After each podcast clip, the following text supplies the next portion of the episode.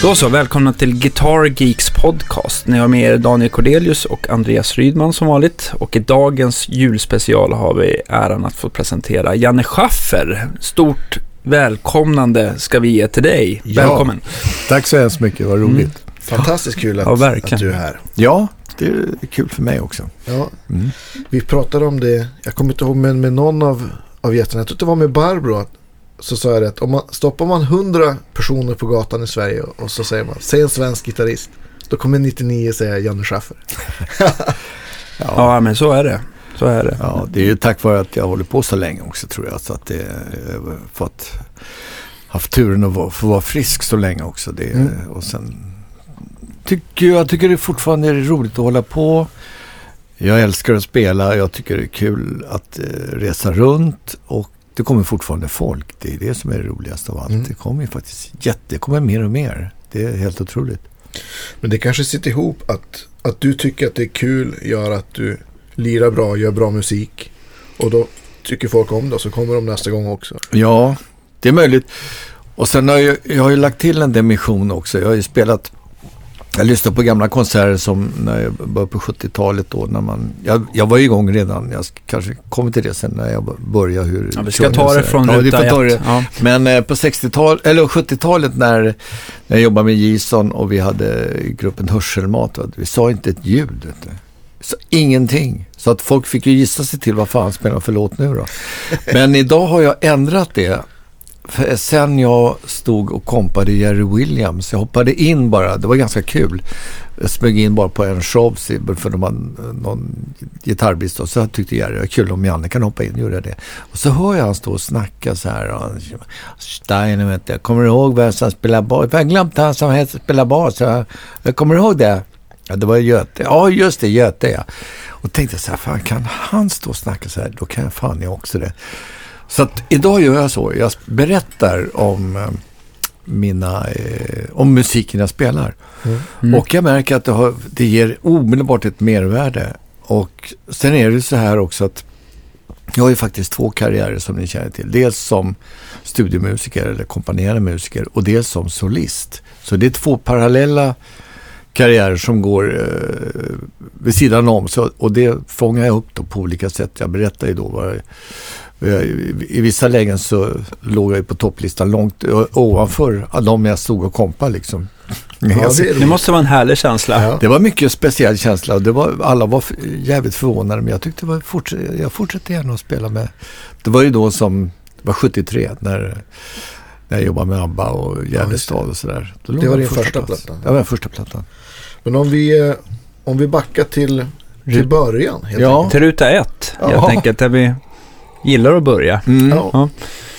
Vad, vad, när plockade du upp eh, gitarren första gången? Eller vad fick du att börja kanske? Ja, förstår du. Det här har jag berättat om. Det berättar jag på varje föreställning också. Och eh, eh, jag har skrivit om det i min bok också. Som heter Mitt liv som schaffer. Eh, det var så här att mina föräldrar möttes på Musikhögskolan. Eller Akis som det hette på den tiden. Mamma var utbildad pianopedagog och faktiskt solist. Hon gjorde några solokonserter med Hans Leigroff. Mm. Och eh, pappa var, spelade fiol. Han kunde aldrig livnära sig på det utan han hade jobbat på, på Vin och spritcentralen och på eh, Länsstyrelsen och satt och gav utskänkningstillstånd till, svenska, till Stockholms restauranger. Mm. Men i vilket fall som helst. Eh, min mamma hade pianolektioner i hemmet. Jag bodde på Wergelandsgatan och i, i Bromma i, Mm. På eh, sek- 50-talet. Och då gick jag i en skola som heter Blackebergs läroverk. Som var då och är fortfarande idag en av de absolut bästa skolorna att gå i faktiskt. Det, var, det, var, det Mhm. fanns en rektor där som hette David Törnblom som satte, han satte en, en slags eh, ribba för hur det skulle vara. Jag är honom väldigt tacksam faktiskt för att jag eh, spelar idag. Det kan jag återkomma till.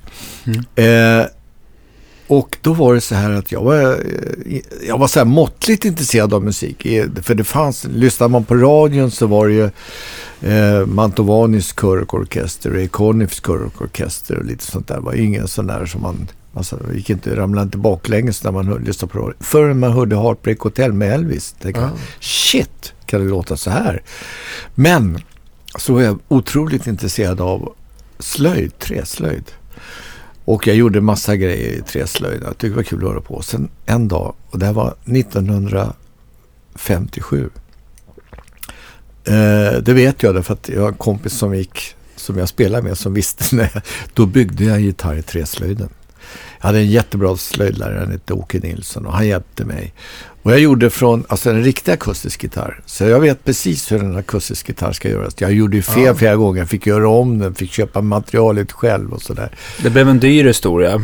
Ja, det är inte för mig. Ja, det, mina föräldrar fick ju betala Ja, materialet. mm. Ungersk gran i locket och sådär. Ja, just det. Eh, och eh, eh, alltså, on, on, det här är 19, jag var 12 bast. Mm. Eh, och jag brukar alltid berätta också vad, vad, vad, vad hände då, 1957? Då, bru- eh, då kan, brukar jag säga att eh, Ingmar Bergman gjorde Sjunde inseglet. Paul Anka sjöng, kom ut med Diana.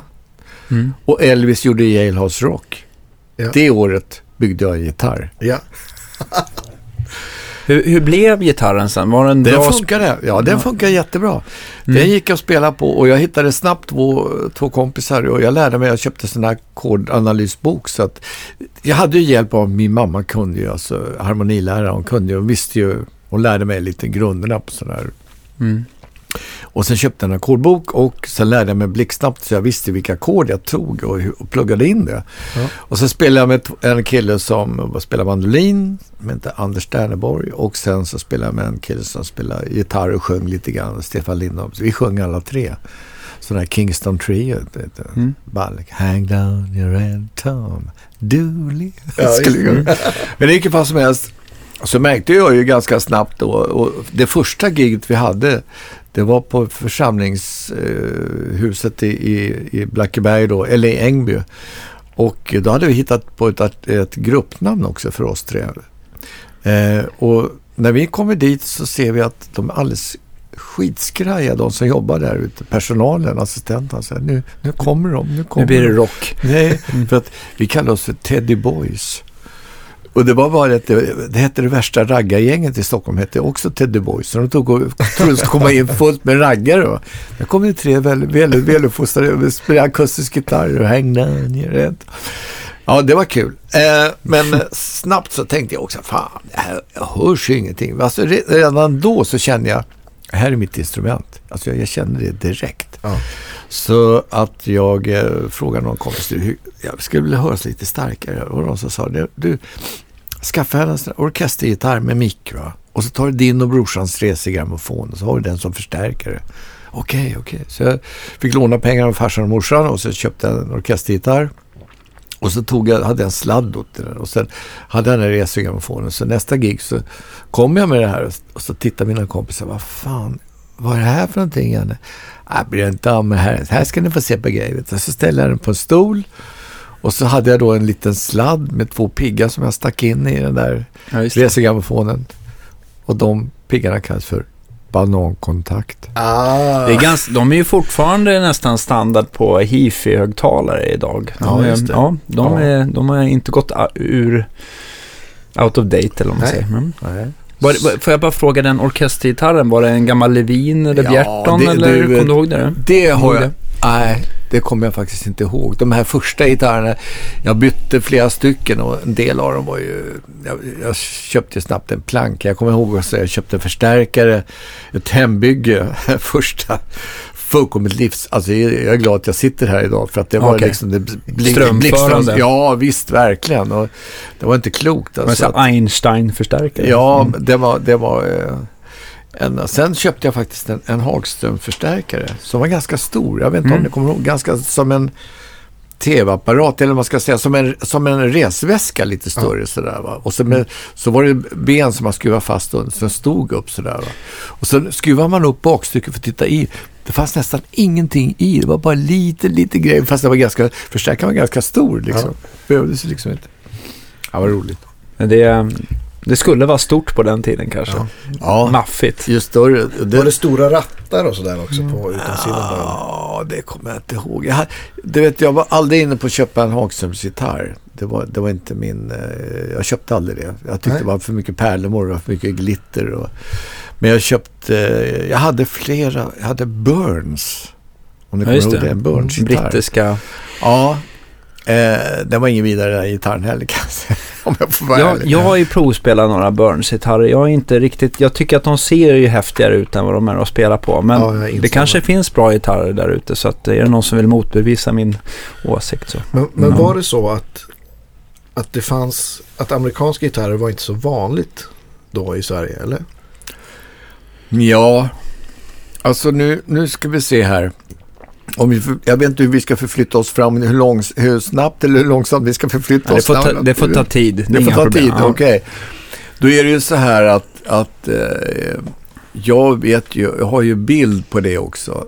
Nämligen, jag, eh, jag, hade, jag bytte massa, vi, vi hade, jag spelade med ett, vi, jag hittade en, eh, måste jag tänka efter, vad heter han nu då?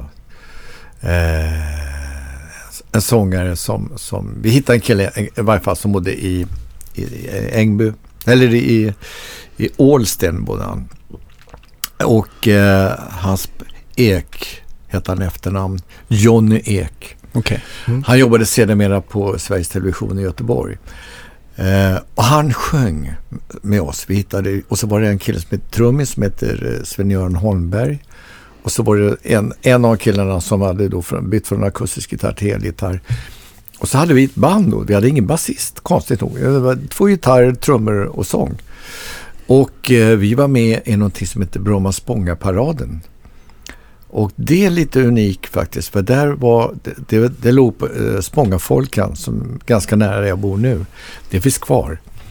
Och Spånga, Bromma Spånga-paraden var en eh, amatörtävling och jag har bilder från när vi tävlade där Eh, och det var Sybla Vrethammar var med.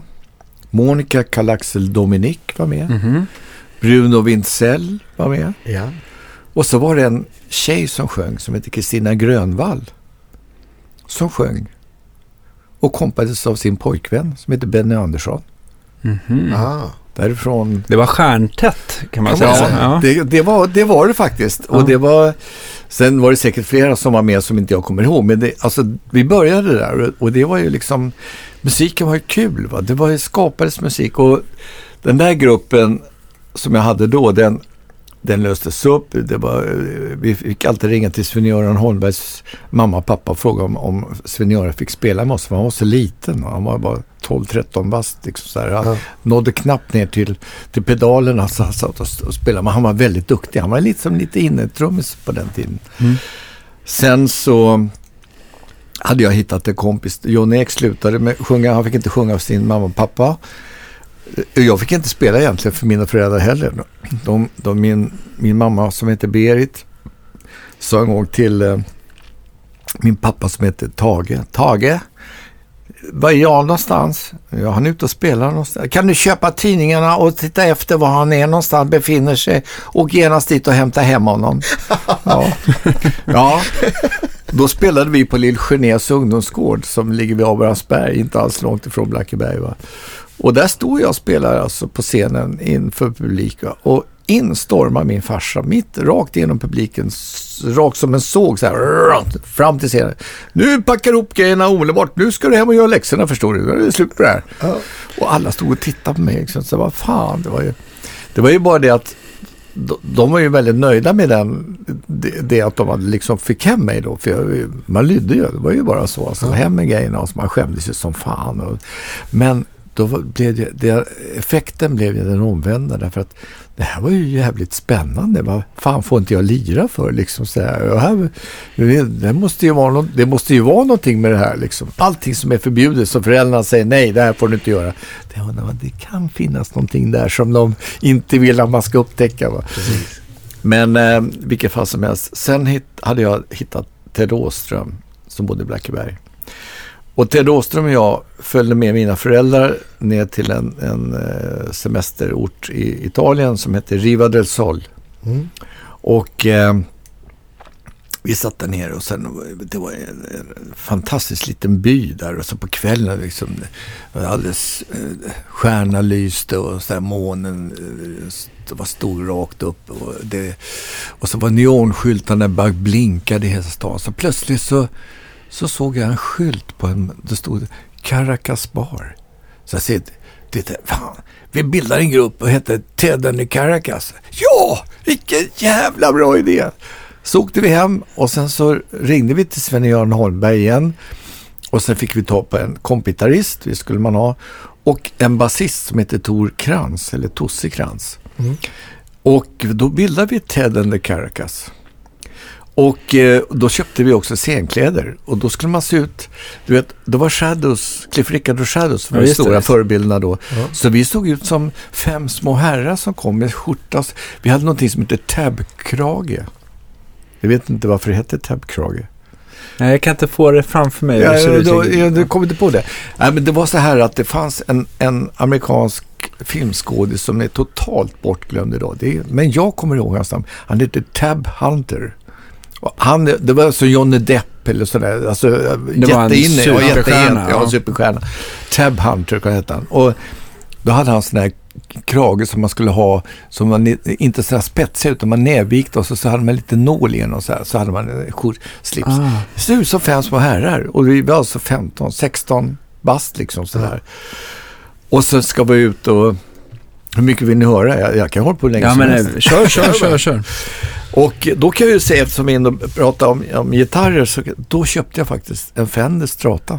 Jaha, så att här? 61. Ja.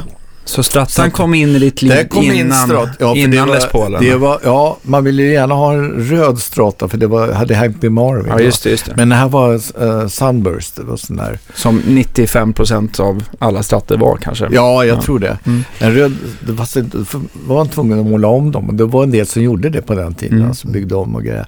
Men i vilket fall som helst så, så fick vi, ett, vi träffade vi en, en eh, fick vi tag på en manager som hette Olle Edlund som var chef på Berns. Eh, han var väldigt trevlig faktiskt och eh, han tyckte vi var duktiga och fixade så att vi skulle kompa en sångerska som hette Ann-Katrin Widlund. Eh, och eh, vi gjorde det en sommar. Och då kom, ja, det jag kommer ihåg, jag kommer ihåg massvis med, egentligen med grejer, men det, det var eh, Ann-Katrin och hon hade en kille som var holländare tror jag, holländsk, svensk holländare. Så här, va. Men hon kom, och Ted Åström och hon kom inte alls överens. Så att de var jävligt, jag vet inte vad det var som, hon, det var någon konkurrens där på scen vem som var Stjärnan Ja, liksom. stjärnan lite grann. Och de skulle sjunga en låt ihop också som heter Hej Paula. Hej Paula, I wanna marry you tonight. Alltså ni kan lyssna in den låten. Ja. Och där står de mer eller mindre och hatar varandra fast de såg åh, så, så, så gulliga ut sådär. Vi visste ju det. De ville liksom inte lämna plats till den andra. Eller? Nej, det var lite så. Och, eh, Det blir lite komiskt liksom. och då kan jag berätta en sån där sann turnéhistoria från första giget. Alltså, Yes, det här, älskar vi. Nu knuggar det här vi är, det här är- händerna. Det här är hundraprocentigt sant. Jag har det så jävla tydligt i huvudet. Vi, det här är alltså, vi är 15-16 bast. Vi, och vi ska ju då eh, turnera sommar, parkerna. Mm. Och på den här tiden också gjorde man ju dubbleringar. Man kunde kan till och med göra tre gig på en kväll. Och att man hade roddare sen där, det fanns inte, eller PA, det fanns inte. Va? Man, det var sånganläggning och sen så var det gitarrförstärkare. Det ingen, mickas inte upp någonting. Nej. Men i vilket fall som helst så tänkte vi också, fan vi ska spara pengar alltså. Ja, okej. Ja, hur ska vi göra då? Ja, hotell skulle vi få betala själv. Nej, du, då säger Tosse som Tor, vår basist då. Jag kan ta med ett tält. Ja, skitbra. Så första giget vi hade, det var på en festplats i Skåne. Det här glö- glömmer jag aldrig. Och då, skitmycket folk. Och där stod de och sjöng Hej Paula, I wanna marry you tonight. det var ju förskräckligt. Men i vilket fall som helst. Sen satt vi och väntade ut att publiken skulle gå ur från den här festplatsen. Va? Äntligen var de, var de borta. Snabbt upp, Upp med, med tältet. tältet, ja. framför scenen. Ja. Och eh, jaha, det var ju fint och, det tog en jävla tid. Det var ju ingen som kunde, man skulle sätta upp tält. Jag kommer ihåg vi kämpade med det här som fan. Och sen när jag äntligen kom upp, det var ett ganska stort tält, då går, så säger Tor Krantz som ägde tältet. Ja grabbar, eftersom det här är mitt tält va, så drar jag en linje mitt över här. Mitt, så att den här halvan, halva tältet, den ska jag ha. Ni fyra får dela på den andra halvan. Skönt, med lite dagg Ja, och sånt. så att- Ja. Så det började med att man somnade då och det var skitkallt. Va? Och där låg vi fyra stycken och tryckte ihop oss i Kanske var sovsäckar. bra. Ja, ja Ja, jag, lärde mig en på, jag lärde mig en grej på det här, nämligen att aldrig någonsin i hela mitt liv någonsin mer tälta. Det var, det var, jag Nej. lärde mig det. Det var ju Ja. tur man lärde sig det direkt. Och sen när man vaknade så var det så här skitvarmt. Varmt, va? ja. Ja, visst. Och ingen dusch, ingenting. Jag bara kände, det här gör jag aldrig om. Så det var, man kan säga att det var, det var två grejer i ett. Det första och sista gången det var som jag tältade. Jag misstänker att ni eh, lämnade tältet i bussen sen då. Jag vet inte, jag tror att några fortsatte att tälta faktiskt, men inte jag. Det kan jag säga direkt. Jag släppte den grejen. Det som hände sen med det här bandet, det, det var ju det att vi skulle få, det, det är också en, den här historien brukar jag berätta på mina föreställningar, att eh, vi fick ju ett, ett, eh, skivkontrakt. Skulle få spela in en, en EP Ja. på ett skivbolag som heter Dux. Och eh, vi fick två producenter. Ena lever fortfarande, Göte Wilhelmsson. Jätteduktig pianist och dragspelare, arrangör. Liksom. Ja. Han, och sen den andra var Peter Himmelstrand som var journalist på eh, Expressen och skrev texter. Mm. Det första de säger till oss här, det kan ju för fan inte heta Tenna i Caracas. Jaså, varför inte det? Caracas är huvudstaden i Venezuela, det går inte. Nej, vad ska vi heta då? Ni ska heta Ted eller Top Teens. Okej, okej, ja, ja. Vi tyckte inte att det var sådär jävla ball, men, men det var allitteration och sådär. Ja. Och sen är det så här, va. Ni får ha med en låt från er egen repertoar, va. Och resten skriver vi. Då kan jag berätta att den låten vi tog in då, det var en instrumentallåt som jag lirade som heter Bristol Express. Och den är lite ball faktiskt, den är jag lite nöjd med. Där hör man tydligt alltså Fender Strata-ljudet faktiskt. Ja. Men sen fick vi inte, så skulle de skriva låtarna och då skrev de en låt som heter Three Guitars and Drums. Det är rätt okej, sådär ja. Det, det är ingen, ingen bra låt men den... Du var inte den så är- här superimpad? Nej. Mm, Alltså de, de, det var ju så här att de var ju betydligt äldre än oss. Det är ju så här att när, när man kommer in då, jag kan tänka mig att likadant nu när man, här kommer det lite äldre, vi ska tala om för er eh, liksom, producenter, du, lyssna nu på oss, vi vet hur det ska, ska vara. Det var lite den stilen redan, men vi köpte ju det, vad skulle vi göra liksom? Eh, sen så, så, hade de, så hade då också någon, satt Peter Himmelstrand och klurade så här, fan alltså, någon, vi ska haka på någonting som är modernt. Va? Idag är det ju hiphop och rap och det är allting, du ska, det hiphopas överallt. Men på den tiden var det twist.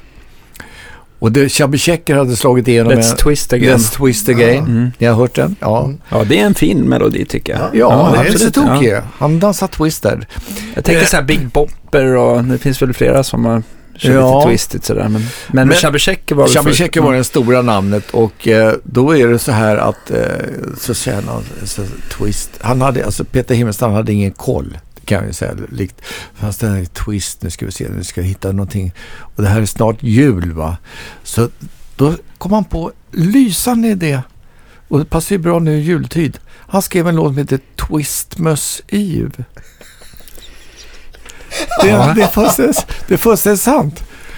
Is Twistmus. Och så Dolls körar bakom. Du, du, du, du, du, du, du. Ja, egentligen ska man lyssna på det. Ja.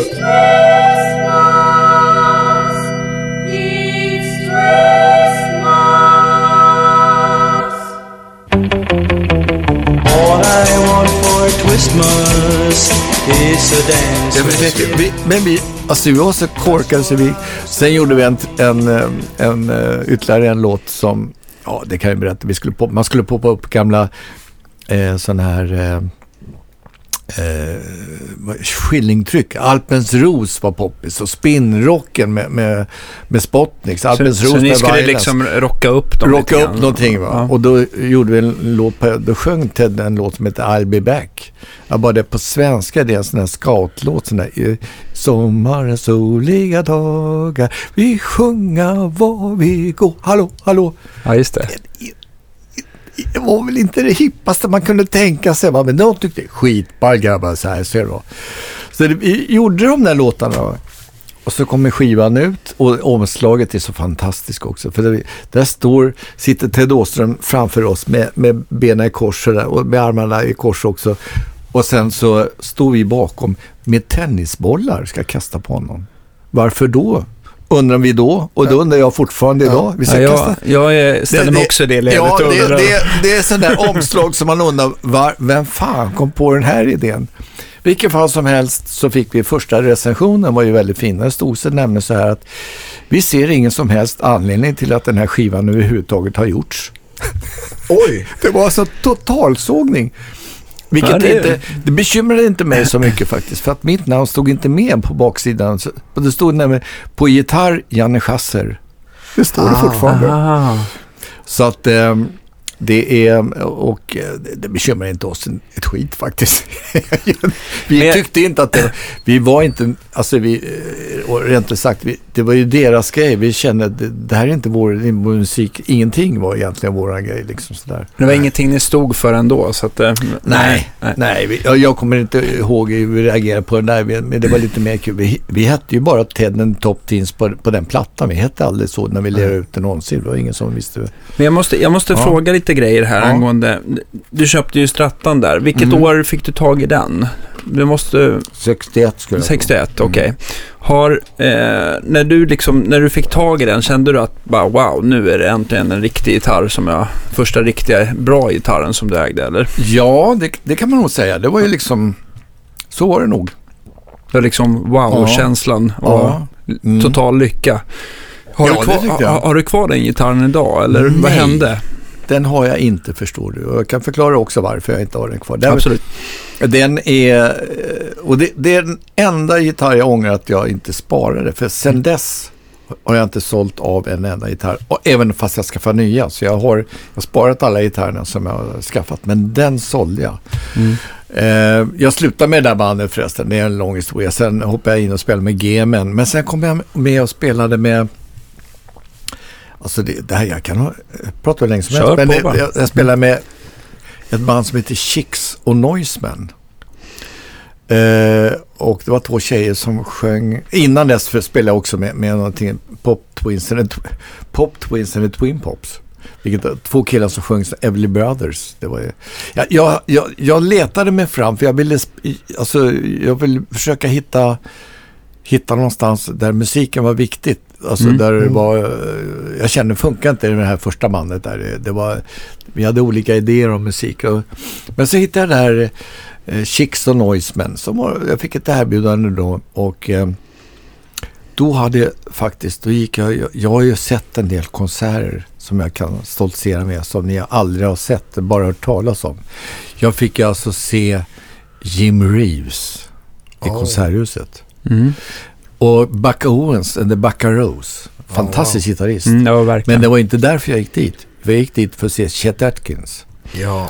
Så han satt ju där och spelade. Vet du. Så vad gjorde jag då? Jo, jag köpte en, En Gretsch. Gretsch, ja, Ja. Gretsch Hollow Body. 6120, en orange kanske? Eller vad Nej, men likadan. Ja, just det. Orange. Ja. Precis, jag har den. Mm. Och den har jag kvar. Ah. Eh, så den köpte jag. Och eh, någonstans jag kan jag också stoltsera att jag såg en annan. Jag såg en sån här solpaket. Eh, med eh, Sam and Dave. Booker T and the MGs. Arthur Conley. Och framförallt Jag känner ingen avundsjuka alls. Nej. Otis, Otis Redding. Ja. Och jag har hört upp, alltså det var ju fantastiskt bra. Steve Cropper där. Ja, Var det någon av dem, de som du på den konserten som du tyckte var extra bra eller dominerade? Eh, Sam and Dave var ju skitkul. De, Mm. de, var ju, de var ju, sjöng och de fick ju mer publik. Arthur Conley var också skitbra. Otis Redding var ju, det var ju stora namnet då på Ja, slutet liksom som toppade. Va? Så Men de, var Booker T and MGs kompandet ja, då? de var kompade, kompade alla. Och, Ja, så, och så, de var ju Stax ja, kompband. och sen hade de blåset på Barkeys. Det var ju, det var ju svinbra. Det, Det var, var- ju liksom så här, man, sa, ja. Det, Kände, kände du så här att när du lyssnar på att det här är facit, det blir liksom inte... Det kanske inte Ja. går att göra den genren bättre i alla fall. jag vet inte. Det låter ju helt fantastiskt. Ja, det, det var jätte, vi var inte riktigt inne på den musiken själva. Men för vad, vad som, alltså, det är ju det som man kan säga då. När jag, när jag spelade med, med, med, vad heter det, Chicks och Noisemen. Då hade man också, då hade det kommit in andra grejer som man hade sett. Nämligen eh, eh, ett band som, eh, det var en pop, popgala på Nalen. Mhm. 62, 63 tror jag. Ja. Och eh, det var engelska band och svenska band och så var några, så, då gick man dit och kollade liksom, det ska bli kul att höra. Så det engelska bandet, de skulle toppa då och spela sist. Det var bara det att allting drog ut på tiden som det brukar göra. Va? Så, så då kommer arrangören fram och säger till det engelska bandet att sorry grabbar, ni, eh, tiden har gått så att eh, ni, vi får inte, ni får inte, hinner inte spela ikväll. Ni får komma tillbaka en annan gång. Det gjorde de, men inte dit. Det var Beatles. Så Beatles gick omkring inne. Det var lite kaxigt faktiskt. Var var det här någonstans? Det var på Nalen. På Nalen. De fick Nalen. inte spela. Nej, de fick inte spela. Men de, vi såg dem gick omkring där som, som vilka som helst. Liksom, Ja. sådär, högklackat. Jag kommer ihåg de var väldigt snyggt klädda också. Så Ja. jävligt snygga kläder. Sen såg jag dem på Johanneshov och de var ju skitbra. Mm. Jag såg The eh, Rolling Stones på Kungliga Tennishallen med Brian Jones och hela, hela original. visst. det jag kommer ihåg från den konserten var att det lät ingen vidare. Det, det, det lät väldigt sådär löst i kanterna. Alltså det Så- var inte så, det, sam, det satt inte ihop riktigt det eller? satt inte ihop. Men då kan jag säga tvärtom att jag hörde nu Stones senast de var här på Tele2 Arena för två år sedan. Nu låter de ju skitbra. De grabbarna har övat. Det är det, det är några konserter som har gått Ja, sedan dess. ja. Mycket Men- vatten men under broarna. Precis. Ja, men, eh, men Beatles, Beatles. Beatles lät ju fantastiskt. Och Otis Redding och Jim Reeves och allt det här. Bara. Så det var ju... Men i vilket fall som helst så spelade jag då med Chicks och Noisemen och eh, då fick jag ledigt från plugget ett halvår faktiskt. Och Jaha. eh, jag var ute och spelade och basisten i det bandet är lite intressant. Han var norrman och hette Eirik Wangberg. Okej.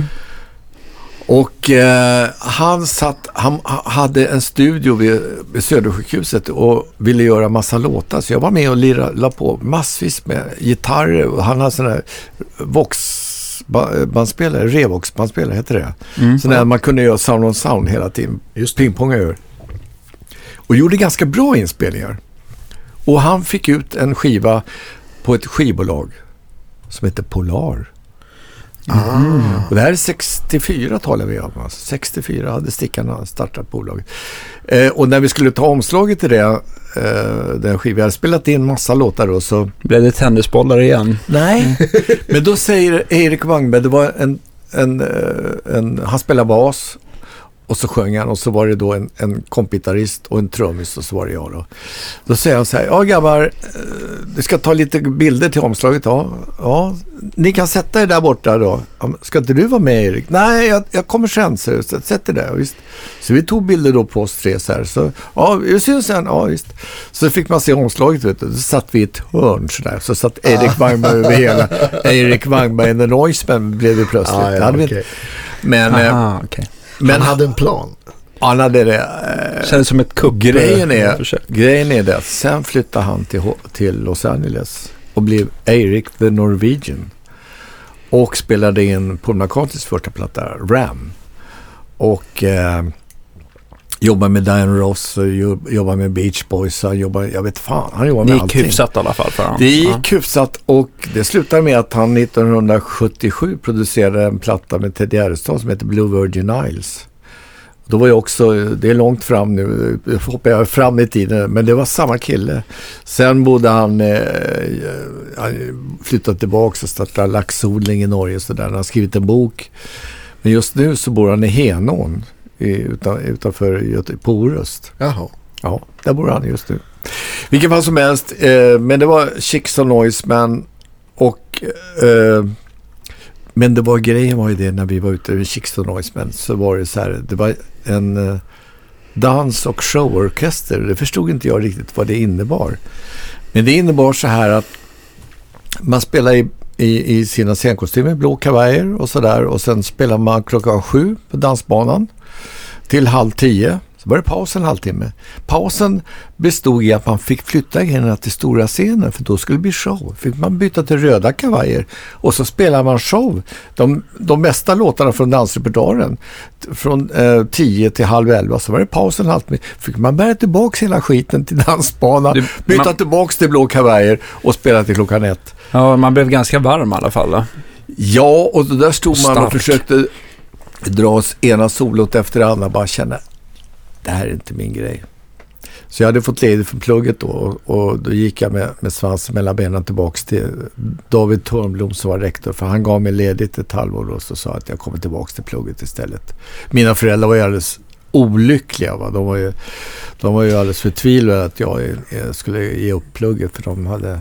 Men var det, var det därför bara att, att, eh, att du liksom, eh, liksom att plugget blev lidande eller var det också att de liksom inte förstod musiken alls som du höll på med? Att det Nej, var liksom det- så här något anti av, av, av den orsaken? Ja, de, de förstod inte den här musiken alls. Det var underhållning Nej, det var, ja, de, de var ju nervösa. Det, det var ju, nu när mina föräldrar inte lever längre så har jag forskat lite grann. Min mamma var ju ganska duktig pianist. Jag har ju hört några inspelningar och hon, grejen var ju det att hon försökte se på en, en solokarriär och fixade inte det riktigt. Va? Så hon tänkte, i och med att, så kände hon, det här är ingenting som Jan ska hålla på med. Så att, eh, Gör inte, gör inte mina Nej, misstag. ja, liksom. Precis, Ja. det, men det kunde Mm. hon aldrig säga. Så att hon sa det, det var bara att jag skulle plugga. Jag måste ha en, en det kan inte gå och hålla Ska på bli och- doktor. Du ska inte, jag visst, du kan inte ut och, och så, så där och hålla på och spela med sånt där musik. Det ska du inte hålla på med. Så, utan nu måste du ha en examen förstår du. Så kan du, så kan du spela på fritiden sen. Liksom. Ja, eh, Fick så, du, ja. ja, jag tänkte också så här, men, men eh, jag menar, du, uppenbarligen så blev det ju att du fortsatte med musiken. Blev Mm. det, fick du erkännandet av dem så här långt senare av att de är väldigt stolta över vad du har åstadkommit med musiken? Det kom de, sen. Ja, Det kom Härligt. sen. Ja. det måste väl kännas ganska skönt i alla fall. Ja, det gjorde det ju. Det, det kan man väl säga, men tyvärr hann han, han vi aldrig mötas i det där riktigt. Så Okej. Han pratade ut hur fan var? Hur tänkte ni egentligen? Jag skulle ju... Utan det blev ju mera att jag smet hemifrån. Alltså jag, jag fortsatte då i varje fall när, när jag hade spelat med, Chicks and Noise. Men så gick jag tillbaka till plugget och sen tänkte jag nu ska... Och det är så här är det. Jag har en, en egenskap att ge mig in i någonting då ska jag fan göra det ordentligt. Då ska det fan mig bli bra, inte bara halvdant sådär. va, Att läsa, jag läser. Så jag tänkte då går jag in för plugget. Nu, nu jävlar satsar jag. Liksom sådär va. Men vill inte släppa musiken ändå. Så då hittade jag ett band som heter Sleepstones. Och av någon konstig anledning så kom Ted, Ted Åström, Ted Åström in i det bandet också. Han, Det byttes ut medlemmar där på något sätt. För jag märkte ju det att Ted var ganska high på det där och vi fick eh, eh, ganska bra musiker faktiskt. Så vi hade, vi hade några hits och det, det, vi kom upp på 10 topp och det, det är en lång historia. Alltså det hände, vi kommer aldrig komma fram till något i 70-talet om, inte jag, om jag fastnar i det. Men, men det, var, det var jävligt kul. Va? Och vi, eh, det finns ju några sådana här eh, moment i, i när jag spelar med Slipstones. Eh, till exempel det var någon som ringde upp mig och frågade om jag kommer ihåg vad jag gjorde den 10 september 1967. Då satt jag 10 september 67, nu ska vi se, nu ska jag leta i minnet där. Nionde kommer jag ihåg lite grann, va? men tionde, där står det en lucka. Så. ja, kan du hjälpa mig, säger jag då, för jag förstod att det var... Ja, då spelade du med, med Sleepstones på Gyllene Cirkeln. Jaha, jaha. Stämmer säkert, för det gjorde vi då och då. Då var ni förband till ett engelskt band som fick låna er instrument. Jaha, vilka var det då? Pink Floyd. Oj, ja. Med Sid Barrett. Okej. Och då ringde jag till våran basist som levde då och så frågade jag, kommer, alltså jag kommer ihåg att jag såg dem, men jag kommer fan inte ihåg att, att vi har förband. Och då, då sa jag, jo då, Janne, kommer inte ihåg vad vi tyckte också? Jo, det, det kommer jag ihåg lite mera för att det var ju liksom, jag kommer ihåg de var ju Flower Power-klädda och de stod och droppade ner sån här olja i sån här uh, diabilds uh, grej. Man producerade Ja, diabilder på väggen och så, så, så det såg så flummigt ut som fan där. Och så började de med ett tema på en låt och sjöng en låt i början. Men sen så bara, så bara malde det på. Det fanns inga solon utan det bara pågick hela tiden någonting sådär. Rytmen så här. Så att vi tyckte var, de var rätt så Konstigt. det var väl inte bara mjölk de hade druckit och kanske rökt prins utan det fanns lite annat också. Det, det kände man att det här var oerhört introvert. Ja. Eh, men de var ju så här inne och jag hade ju del, de hade gjort en, en eh, låt som jag diggade som heter See Emily Play som jag tyckte var jävligt bra. Så att jag visste ju lite grann, jag, jag var ju nörd på engelska poppan. Vi, just med Sleepstones också, vi åkte runt faktiskt och fick lira med engelskt, ett, ba- ett annat engelskt band från Liverpool som heter Foremost. som Mm. hade en hit med en låt som heter Hello Little Girl. Och vem skrev den låten? Ingen aning. Nej, men då kan jag tala om, det var Lennon McCartney. Jaha, okej. Alltså grejen, grejen med Beatles är ju så här att det är inte bara att de hade gjorde sina låtar själva. De skrev till Billy. Kramer, de skrev en låt till Stones. De skrev alltså, till Mary Hopkins, de skrev till så jäkla många andra. Så alltså deras, de var oerhört produktiva i tio år Ja. höll de på. Sen så, sen så orkar de inte längre det, det kan man ju förstå. Det är samma med om man då tittar på ABBA, det är också tio år. Det är, det är liksom om man, om man då är sådär oerhört intensiv och skriver och turnerar och gör allting Ja, på en gång. så istället för att kanske ta paus något år, två och komma tillbaks liksom sådär. Men, men de körde på hela tiden va. Så att, med- Tills det blir utbränt liksom. Ja, så, men jag kommer ihåg The Foremost, de var ju jävligt bra. De var ju skitkul att få turnera med dem. Liksom. Vi var nere och lirade med dem i, i, Köpenhamn och sådär. Hur kändes det? För att jag menar, jag tycker ju svenska musiker har ju alltid haft ett väldigt gott rykte. Hur, hur kände du på den tiden? Hängde liksom svenska musiker med spelmässigt mot, mot de engelska banden? Eller var de på en annan nivå? Eller hur, kände, hur kändes det? Eh, det ja, det var blandat kompott kan man väl säga. Mm. Eh, det fanns några band som var bra. Strangers från Göteborg var skitbra. Eh, med eh, Bengan Karlsson och Doris. Eh, Doris Svensson. Mm. Sen Ola Englers var ganska bra också faktiskt. Det, det var, men man, och Maskots var också ganska bra. Man, men många banden var ju mera gulliga och, och så fanns det alltid det fanns alltid någon musikalisk hjärna i något band. Man kan ju säga Hepstars, där fanns det en musikalisk hjärna som var jävligt bra. Benny då. Ja. Och sen i, Tage så fanns det också en annan, en hjärna som var jävligt bra, Göran Lagerberg, som nästan sjöng alla låtar fast man, han inte frontade. Va? Det, var, det var ju liksom... Eh, så att det, det var ju... Det var blandad kompott kan man säga Mm. då. Men Spotnix hörde jag några gånger. De, jag, ty, jag gillar dem. Jag tyckte det var bra. Det, det var... Alltså Bosse Winberg är en unik För det var väl liksom, det var väl liksom Sveriges svar på Shadows. Det kan man säga. Och, Mm. och så hade de ett eget sound. De hade, han, är ju byggde, han var ju tekniker också, byggde förstärkaren och, och fick fram sitt sound. Att det skulle låta som det gjorde det. Liksom. Han måste så- varit pionjär. Ja, han var pionjär. Han var väldigt före alla andra. Det var, jag var och lyssnade på dem. Och det, det var fantastiskt. eh. Det fanns så många som höll på som, som nu lever kvar. Tom Mix och Maniacs till exempel. Tom Mick och Maniacs heter de. Det, var- också bra. Tommy Men- Körberg och sådär. Just det. Ja, just det. Men man tyckte ändå att, tyckte man ändå att liksom de engelska banden alltid var liksom, det var, de var alltid, Alltid lite bäst. vassare på, Ja. på, inte bara hur bandet lät utan även på Det- eh, taktera sina instrument så att säga. Det kom ju band som kanske inte höll den högsta kvalitet. Men det räckte att de var från England så var de skitbra. Jo, men det var lite så Ja. jag kände så här, Ja. att man kan liksom, det, folk lyssnar lite med ögonen ibland. Det ser jävligt bra ut och de, Ja. åh, de kommer därifrån och gud vad bra det blir. Och Så just det väl här som. Så som det lite, tycker jag det kan vara i Sverige ibland, att den här janten, att man kan liksom inte bli, ehm, eh, ska man säga, Profet i sitt eget land. precis så. Ja. Ja. Eh, det fanns ett band som hette DJs och de var ju oerhört populära men de var inte sådär eh, superbra. De var från England. De hade engelska, alla hade sån där, eh, vad heter det, släp.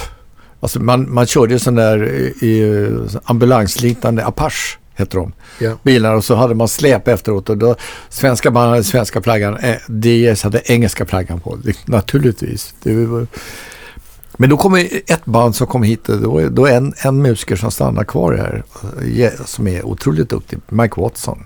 Han kom Just då på det. 60-talet. Men, ehm, eh, och så kan man säga, då kan jag, även om vi är inne på gitarrgrejen, det som hade hänt där, vi, det var just med Sleepstones, vi hade snöat in på ett engelskt band som vi tyckte var så jävla bra. Yardbirds. Ja. De var ju Mm. fantastiska.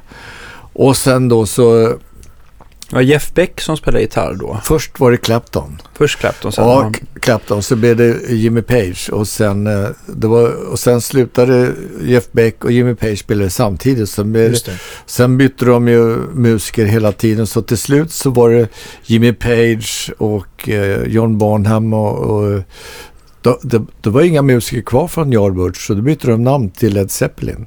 Mm. Så det kom, hela bandet kom från Yardbirds egentligen. Det. Fast det var, men i varje fall så hörde jag, köpte jag ju då eh, John Mayall and the Bluesbreakers. En fantastisk platta med Ja, det är Clapton. grymt. Ja. Clapton. Den är grym. Det och jag tänkte, fan vilket bra sound. Han var väl med på en skiva där va?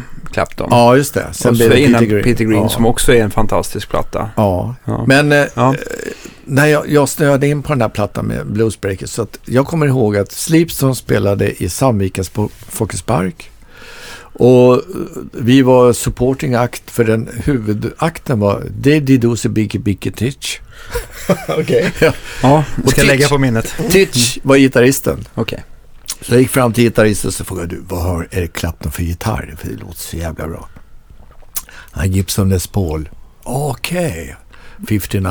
Okej. Så då började jag leta reda på sådär och då hade jag träffat Janne Hallqvist också, Halkan där, så jag Mm. frågade honom. Och på något sätt så förmedlade han en kontakt då, en kille som bodde på Lidingö som hade en sån där som hängde på väggen hemma för han eh, köpte en, lagt ner och spelade eller jag vet inte vad. Så jag åkte hem och så, så, så, så fick jag adressen och åkte hem och frågade får jag köpa den där av dig? Ja, ja visst. För, vad, vad vill du ha? Ja, 1200. Okej. Då köpte jag den. Absolut. Ja, i det Bästa. men, men då ska man säga att 1200 kronor då, det, det, man, man kan lägga till minst en nolla då, kanske till och med nästan 20 000 spänn, men ändå. Vilket, Alltså det måste ha varit ett kap ändå. ja, det var ett kap, men, men det, Ja. det hade inget, det var ju alltså, jag visste inte att det här var, sån- att det skulle bli en jävligt värdefull Nej, gitarr. det är väl tyckte bara- svårt att veta Och sen för er lyssnare så ska man ju veta på, nu beror det ju på massa saker hur gi- gitarren är i skick och om den har varit lagad och, ehm, och, och hur flammor den är i toppen och sånt där. För den 59 Les Paul den är ju alltid sunburst. Mm. Och sen så ser man då den flammiga lönntoppen som kan vara mer eller mindre framme. Och om det är något som är utbytt sådär. Men om det är någon eh, 59 Les Paul i fint skick då, då ska de ju ligga någonstans runt 3 miljoner. Mm. Så att Mm. eh, ja, det är... Har du, gjort några in, har du gjort några ingrepp på din? Eller har du Ja, fått tvungen jag att tror stämskruvarna har jag bytt ut vid något tillfälle. Origin, mickarna original och sen har jag något eh, plektrumskydd som är, men det, det mesta är original. Ja, men då kan, jag, då kan jag ju lägga till, med, och, och nu, nu är jag lite nördig då. Men Nej, kanske men det, är- det, det är precis Då det vi är. Ja, ja. Då kan jag säga att den gitarren spelar på Halkans affär. Mm. Den gitarren spelar på Jag vill ha en egen måne. Den gitarren spelar på eh, Ring Ring, Waterloo, eh, eh, Satellit, eh, Brusa höger Lilla Å, Knowing Me, Knowing You. Ja. Alltså alla ABBA-låtar som jag hade elgitarr på, den, den är med där. Svensk musikhistoria. Ja, den, den, herrar. spelas, den spelar ju på de låtarna och I natt är jag din, eh, Ja. Ledin. eh, Ja. Ja, så att det, det, om man, det är inte bara att den, och den funkar, den är ju, jag har ju gömt undan den, men den fungerar alldeles utmärkt idag. Den är, låter fantastisk. Ja men det är klart. Men jag tar du har ju spelat på den så mycket. Ja. Så att det är ju, Men jag tänkte, på, jag tänkte på när du lyfter upp en nyare Les Paul idag. För Gibson gör ju sin Les Paul givetvis så i massa olika varianter. Allting från väldigt eh, enkla utan kantlister och mattlack till den här custom shop-nivån då som, eh, som finns också i flera steg. Men, men eh, som ligger liksom från 30 000 och uppåt va. Eh, hur känns det när du liksom tar en sån här modern bra Les Paul och jämför den med, med din gamla? Är det, är det någonting som slår dig så här? Det är lite tjockare i hals på, den, på min gamla liksom. Så. Okej. En aning liksom sådär. För den gitarren jag har nu, den Lariven, den är lite tunnare i hals på. Ja, de är den, lite nättare, absolut.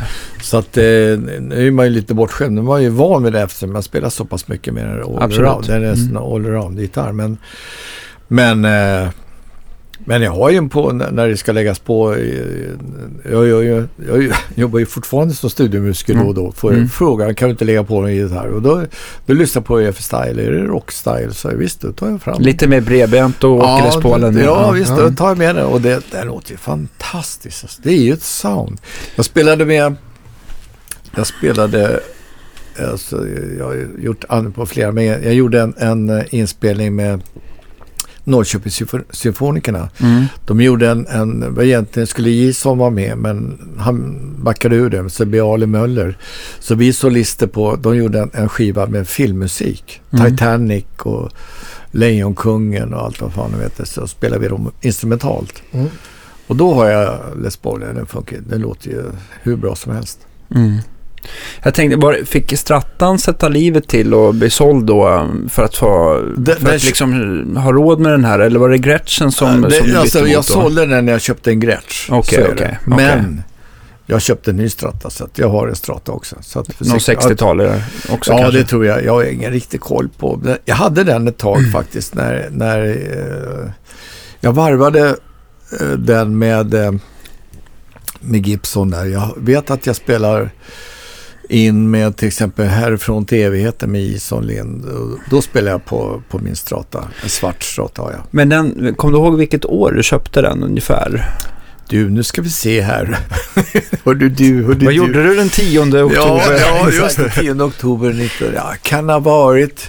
Alltså jag hade ju, när jag nu, alltså det är ju så här att jag kan ju bara dra vad jag gjorde för det, nu kommer ju framåt, vi börjar närma oss mer nutid. Det, Mm. det här kan ju inte vara många som vet vad jag pratar om, sleepstalls och sådär. Men jag kan bara dra snabbt vad jag gjorde. Alltså jag, vi bytte namn till Attraction, vi fick in en orgel, en Dennis Wilhelmsson, fantastisk organist. Vi hade hört Jack McDuff nämligen på Cirkeln. Ah. Så man har ju alltså med Jack McDuff, Red Holloway på sax, eh, trummis som heter Joe Dukes och vem var det på gitarr? George Benson. George Benson. Där sitter, och då Åh, hade jag träffat Jojje Wadenius. Ja, Jojje Wadenius och jag, vi, det var också på Gyllene Cirkel. Vi satt ju på första paketet och bara liksom, kolla vilken Såklart. gitarrist alltså. Fy fan vad bra. Det svängde och det var så jävla bra. Så att då fick Attraction för sig, eller Slipston för sig att vi skulle också ha orgel då. Så vi fick med Dennis Wilhelmsson. Och då är när ha- vevan kom Hansson och Karlsson igång också. Ja, Så, just det. För det var Det blev hippt med orgel Ja, det enkelt. blev det. Det blev en jättehet, fast det var ju inte riktigt den musiken som de spelar, som vi spelar. Men Nej. Vilket pass som helst så... Men så slutade jag med det där bandet, så kände jag att ah, fan, det går inte längre. Så att jag fick ett erbjudande från ett band som heter Grapes of Wrath. Vredens druvor. Som är en titel på en bok av John Steinbeck som fick ett Nobelpris för många år sedan. Eh, och det, i det bandet så spelade faktiskt Ola Brunkert. Mhm. Det var mitt möte med honom. Okej. Han kom från Science Poption som, hette, som ett band som var också på 60-talet. Eh, och vem efterträdde jag? Jojje Wadenius. Ah. Han hade precis slutat med det bandet för han skulle starta Made in Sweden. Vilket han gjorde då med Bosse Häggström och Sli- Slim Borgud. Men jag, då fick jag börja och tyckte det lät kul. Fast visserligen, då fick vi kompa Gunnar Wiklund. Vilket var ganska intressant. Jag måste säga att jag gillade Gunnar Wiklund. Han, han var, det var kvalitet i hans röst. Även om det inte var min musik så, så fanns det en upprikt, uppriktighet och ä, alltså ärlighet i hans sånger.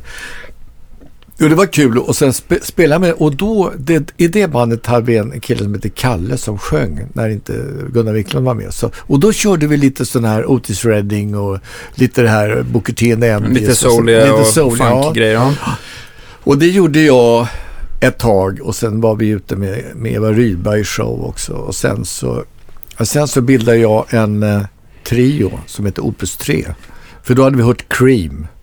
Och det var ju också jävligt häftigt med Ginger Baker och Jack Ja, Bruce. Och det var ju så här, måste Återigen trio, Clapton trio. då. Mm. Clapton. Så måste man, trio ska det vara liksom. Och då tog jag in basisten från Science Poption som heter Björn Stolt. Och vi gjorde faktiskt en platta. Eh, jag fick göra en skiva på Sonett under Opus 3 and Friends. Och då ville inte jag rida på att det var ganska kända namn som sjöng. Bland annat var det en som sjöng som hette Troy Dunne. Troy Dunne, det var Björn Skifs. Ah. Aha. Ja, så att de hade, uh, Rebberstack var det någon som hette också sådär. Och det var eh, Simon här, det var Bruno Winsell och så. Ja. Det, ja. det, var, det var lite kul faktiskt. Så, eh, faktum är att jag sjunger en låt Hur kom själv. man på det namnet till Björn Skifs? Troy Dunne. Ja. Ja. vi, vi, vi umgicks väldigt mycket. Klabbe, Björn Skifs och jag och någonting. Vi, vi, Klabbe bodde eh, på Osmundsvägen. Så man, det var Klubb Osmund och där satt, där satt hela gänget. Vet. Vi kom ju, då hade alltså alla popbanden börjat lösas upp och ingen visste vad händer. Nu händer ingenting och där satt man Janne Önnerud som hade varit med i Hounds, han var med där till exempel och, och, och så vi, vi hängde ihop. Vi, det var ett gäng liksom sådär va. Och då kom vi på det här, det är klart vi ska göra en platta och så ville jag inte använda kända namn. Så vi, okej, det var okej. bara, så hittade vi på namn var det. Vi satt, satt ikväll och bara, jag, ska, jag ska heta Troy Dunne, det låter skitbra. Eh, och sen gjorde vi den här plattan, men sen då så fick jag det första studiojobbet. Och det fick jag 1970 brukar jag räkna som. Och det var med Björn Skifs första soloplatta, Both Mm. Sides Now. Och då fick jag spela med Sven-Olof Waldorfs kör och orkester. Då läste jag på universitetet. Jag hade läst i fyra år och spelade med Opus 3 samtidigt. Men Opus 3, hittar man det idag digitalt sådär? Ja, det De tror jag. Ja, de går, på en sån där vinyldagen, de åter, återutgav de faktiskt den plattan. Men jag, jag skulle hellre vilja att de, du vet, när, vad heter den, heter inte den, den stora vinyl, alltså det finns ju när de trycker upp, Återpressar sådär? eller? ja det, det finns ett, en uh, grammofon skivans dag eller vad fan Ja, men heter. precis. Okej, okej. Ja, Mm. eh, och då gjorde de faktiskt nyuppressningar på den. Men jag skulle vilja hellre ha en annan platta som nyuppressad som jag tycker är, skulle, står ut. Faktiskt. Som du känner dig extra nöjd med? där? Ja. Mm. Det kan berätta- Opus 3. Vilken det, det är just det, nej, den heter Ablution. Jag kan komma till, men jag kan, jag kan bara dra att jag kom in då i studiosvängen 70 och svart med Sven-Olof Waldorfs körorkester och sen ringde Lasse Samuelsson upp mig och frågade är du ledig på tisdag? Det var jag inte, men ja, ja jag är ledig på tisdag. Kom till majstudion, ta med dig elgitarr och akustiskt. Jag har hört att du sitter i studion. Ja, visst. Så du var Det ute i Brink då? Precis, och då var det att spela med Anita Lindblom och sen blev det ju att spela med, med eh, Östermalmebring och, och man, Family Four gjorde, var jag med på massvis med låtar på och sådär. Det, jag hamnade som studiomusiker. Det var, Men hade du liksom lätt att liksom läsa noter eller hade du ett sånt gehör så att du lätt tog ut låtarna och gick på, på inre... det, var, det var ett både Talang. och kan man Ja, säga. ja. Sådär, va. Det, det gick ju, alltså när jag kom fram där så plötsligt så kom det fram noter. Shit, så det ska jag se. Det kunde jag, jag visste ju vad tonerna låg på gitarren och sådär. va. Men jag hade ju aldrig pluggat det. Jag hade aldrig pluggat musik på det sättet att man skulle kunna sätta sig ner och läsa Prima Vista. Ja. Men eh, till, jag var tillräckligt snabb för att lista ut hur- den här melodin och sen så hörde man, oftast var det coverlåtar då som eh, Alltså det satt lite i bakhuvudet det satt, sådär. jag fick man alltid lyssna på det här, så här låter, det här låter originalet. Så titta och så titta. och det- är Gistare och så precis. Ja. Sen, sen, ja, det gick snabbt för mig att hänga med. Plus att jag visste då det var ju, det fanns, det kom in, där satt jag alltså Hasse Rosén och där Ja. satt eh, John Kongshaug några gånger träffade honom. Men sen Rune Gustafsson som var ju min stora mentor. Och, som, och så att det, det, det gick ganska snabbt faktiskt då att lära sig att det var ju aldrig att man skulle spela långa haranger sådär utan man, det var aldrig att det var ensemblespel. Det kom ju sen. Jag lärde Mm. mig mer och mer för jag kände att det här är... Och sen träffade jag Jason där också och det blev det ju... Det var ju ena noter ena dagen. en- Nästa dag bara harmonier och plötsligt kom det kom en lång, det var alldeles kolsvart liksom sådär. va. Men Björn var så gullig så att han, han hade läst, han hade pluggat tio år på musikhögskolan och gått eh, soloflöjt, solopiano och komposition för Carl B Blomdahl till exempel. Så att han, han var ju så jävla... Han kunde läsa noter i alla fall. Ja. Aldrig var med om någon som, som var så blixtsnabb. Han läste vad som helst prima vista. För det kunde man ju säga då. Jag pratade ofta med Rune Gustis om det där. Han sa det. Han, han satt och övade. Alltså han spelade ensemble ihop med blås då. När han spelade Ja. Dompan och sådär. Han, han har ingen utbildning heller. Inte jag heller. Så vi skrev en gitarrskola ihop faktiskt. Där- Så då, då bestämde vi att vi gör en gitarrskola ihop och så skriver vi den som, som vi skulle vilja haft den om vi hade startat om. Ja, just det. Här, det ska vara snabbt, det ska gå fort att lära sig och det ska inte vara så jävla svårt och så lite mera, Mm. så lite pedagogiskt sådär. Lite bättre upptrappning. Liksom. Ja. Det fanns ju inga, alltså det fanns ingenting att plugga på elgitarr liksom sådär. Då skulle man spela klassiskt. Men, men eh, jag kom ju snabbt in, om man ska ta den biten, alltså Jag ska se vilken... vilken Men jag, tänk, vilken- jag tänkte ja. också så här på, när, när, det låter ju som när du väl började 1970 med stu, som studiemusiker. Var det liksom som att det liksom från ingenting att det liksom ramlade på och blev ganska mycket jobb sådär? Att Hela man, tiden. Att, att man liksom, så när man väl kommer in i det, i alla fall som klimatet var då, att Ja. när, bara du kom in i det där ekorrhjulet Mm. då bara, då blev almanackan full på något sätt. Det Liksom. kan, måste ju ha varit ganska unikt också med en, en, liksom, en musiker som kommer från pop och rocksvängen som, Ja. som kunde läsa lite och... Ja, det var ju, så var det ju. Mm. Och sen om, om man visste då, om, om, om, jag, sa, jag var ju öppen och sa det, jag är inte världens bästa notläsare så här. Och, men då, då sa de så här, ja, kan jag komma en halvtimme innan så kan jag titta på noterna så där. Så jag åkte, ofta satt jag en halvtimme innan och pluggade in så jag Ja, visste hur låten skulle gå. För sen kom, sen spelade alla in samtidigt. Och det Mm. kunde sitta faktiskt en hel symfoniorkester och spela samtidigt också. Eh, och då, hur liksom, jag antar att inte alla hade en varsin mick, utan hur liksom var, hur var sättet att spela in då? Kom du ihåg? Ja, eh, jo då. Vi, alltså jag hade ju förstärkare och, och mick till förstärkare. Liksom. Så- okej. Eller så var det akustisk gitarr. Ja. Var det akustisk gitarr med ackordanalyser, då var det inte så. Då var det ju bara att spela ranka, ranka, ranka. Liksom, Mm. sådär, va? Men eh, ibland var det ju liksom ta med både elgitarr och akustiskt. Sådär, va? Så ju, eh, det, det, var, det var ju en... Eh, och, och sen, sen hamnade man, i och med att man hamnade med Lasse Samuelsson, det var han som höll i Melodifestivalorkestern. Han satt man med Melodifestivalen också. Då, då hade man ju två, tre dagar på sig för att, att repetera. Liksom, så här. Då lärde man ju sig noterna snabbt. Den där låten, det är en gitarrintro där, ska vi se. Det var Ja. så, ja just det, precis. Men jag tänkte på din 59 Les Paul, vet du ungefär vilket, när, vilket år du köpte den? 66. 66, okej. Mm. Så att, men just när du liksom åkte till studion då, från 70, Ja. var det alltid den Ja. elgitarren du Ja. tog med liksom? Och hur, vilken typ av förstärkare brukar du använda? Använder du alltid den som stod på plats eller hade du alltid med dig någon favorit? Ja, jag tror att jag... Ibland, det beror på. Det fanns ganska bra förstärkare. Det var ju på lite grann vad man skulle spela för något. Alltså. Ja, jag kan tänka mig att Fender var ganska vanligt va? Ja, Mm. det var det. Music Man kom, jag vet inte när den kom. Ampeg fanns det någonting som hette också. Ja, just det. det. Men jag, jag har aldrig varit inne på Vox och sånt där. Nej, alltså, nej, eller Marshall eller brittiska ådran. nej. Det- Mer än det- Fender, Fender, Fender-ådran. Ja, ja. precis. Det var, det var ju... Jag hade, det, jag hade en Fender, Fender Concert. ja, just det. En sån här Som brun, brun brun, ja. 410 och den den jättetrevlig. 410, ja just det. Det är Så- lite som liksom en föregångare till en Super Reverb som är ganska Ja. mer populär. Och en- det är bara att den är inte har, den har ju trem, ett jättefint tremolo, Ja, men den har inget reverb. nej just det. Mm. Men det kunde man ju få. Det var ju duktiga studiotekniker som oftast var ju det. Ja, berätta hur, hur, kommer du ihåg någonting hur din förstärkare mickades upp på den tiden? Vad brukar man sätta för mick framför? Var det, Jag har ingen, ingen aning om vilka mickar de det här ska du kunna som rinnande Ja, vatten. det, det, ja, men då får jag ringa till mina... Jag, jag hade ju favorittekniker. Så jag, jag Aha. hade ju... Jag lärde, Björn Almstedt var ju jävligt bra och man visste och eh, Björn Norén på EMI-studion. Eh, Leffe Allansson som, jag, som, som sen sedermera gjorde alla mina plattor. Han svinbra. Vad Janne är- Ugan, Micke B. Tretov, Mm. eh, Rune Persson. Det fanns alltså...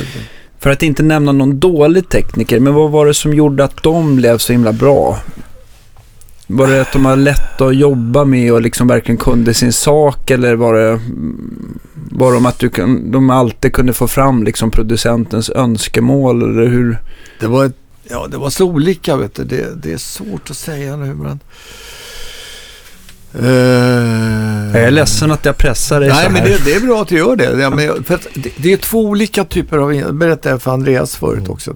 Man kan säga att de största hitsen jag har spelat in, Ja, är framskapade i studion. Det fanns inga noter. Alltså, vi satt man ner harmisar sådär, hur ska den här låten gå? Alla- lite, stöd, lite stödnoter bara. Ja, precis. Mm. Och sen, hur ska Ackordanalys, du- typ. Ackorden, ja, knappt det. Men så fick man skriva ner den själv. Så satt Ted och, eller Ben och spelade igenom så här. Så, så, så, så visste man inte vad, hur, vad, vad låten hette, ingenting sånt där. Och då, Men kunde då, det vara så att, att, att om ni testar, låt säga Waterloo eller något, så, Ja. bara, så lirar ni lite och så, så, så spelar du typ ett riff och så, vad tror du om det här Ben? Ju. Var det Ja, så? ja, det kunde vara det. det, det eh, Waterloo, det var, den jobbet, det, det var ju andra plattan. Så att det, men in, redan innan det så finns Rock'n'Roll Band till exempel. Det finns Ja, en det. ABBA-låt som heter... Och sen finns det King Kong Song. Du, du, dun, dun, Precis. dun, dun, dun, dun. Det, det är sådana här små grejer som... Åh, jag kom på det. Och det är Ja. skitbra. Det där behåller vi. Ja, det är ditt. Men det var, ja det kan man säga. Eh, och sedan så kan man ju säga också att i och med att det tog så lång tid va. Mm. Så satt ju Micke och skruvade så hela tiden. Alltså han satt ju inte bara och väntade nu, han ställde in inte ett, ja, han ändrade hela tiden. Han följde ju med ljudbilden, var, hur, hur, hur vi spelade och sådär. Så att Vart det var var, väg. ja, det var en kreativ process hela tiden. Ja, just det. Så att det var ju... Och sen då när de, det var ju på Ring Ring då tror jag, som jag kan tänka mig, som jag kommer ihåg den första, när de, de hade en Phil Spector, ja, det skulle vara liksom låta, och det, det, jag måste ju dra, jag tycker, jag har Ja, sett upp varsågod, det. Ja, varsågod. Jag, jag, alltså Phil Spe- jag har ju sett den där, uh, um, om The Wrecking Crew, filmen om, om Ja. killarna som spelar med Phil Spector. När han tog in liksom, uh, Barney Kessel var ju med och lirade. Mm. Det är fantastisk gitarrist. Ja. Och då satt, han skulle han ha eh, fem gitarrer, det var inte fem gitarrpålägg utan fem gitarrister satt bredvid. Tre pianister, dubbla trummisar liksom. Det var ett, oerhört mycket folk som satt och så, och så är det skitmycket eko. Va? Som där, eh, Be My Baby till exempel. Va? Och, sen, innan, och jag har sett en intervju, fantastisk intervju också med Glenn Campbell. Som var med som studiomusiker. Han var ju gitarrist från början. Han var inte alls sångare eller sånt där. Och jävligt duktig. Och han säger själv då att, att jag kunde inga noter. sa han. Jag, så att jag var skitsnabb på att lyssna in och lära mig liksom så här. Men så fick han en jag tycker den här historien är så rar. Det är så gullig. Han säger att en dag så säger han så här. Imorgon va, så kommer en sångare och han, han, sjung, han måste sjunga med bandet. Va? Och det är alltid utskrivet. Va? Och han tar bara en tagning, sen går han. Så det är bara en tagning. Och vem är det? Frank Sinatra. ja, just det. Och då berättade han vilken låt det var också. Så han satt hemma och plockade, plockade ut den. Strangers in the night. Hyfsad Och så sitter han och spelar den alltså. Och han följer, det är så snyggt spelat alltså. Så att det var ju lite, alltså lite, jag känner igen mig i den där situationen. Att Mm. man, eh, vissa grejer så tror alla att det är hela bandet, när de sitter och pratar om The Birds. Som, som de, bandet, de sjunger ju bara. Det är det är ingen som spelar på The Birds. Nej. Varken första eller andra plattan. Och, ja, allt vad fan det var. Det var ju, men att hur de, och det var ju liksom så här, man satt och prövade sig fram. Och så att det, om man då ska säga att det är därför de låtarna, Teds Gärdestads låtar till exempel, det låter på ett speciellt sätt. Men sen då nästa dag så kunde man spela in med Anders Fugelstad till exempel. Det var ju alltid, då hade Claes Rosendahl skrivit jättefina arr och då spelar man ju det arret. Men det låter inte likadant. Nej. Det är, det är en annan ljudbild va. Så att Ja. det, Annat allt är färdigt. Ja, man sätter en mick framför så spelar man då noterna som står där liksom. Så där.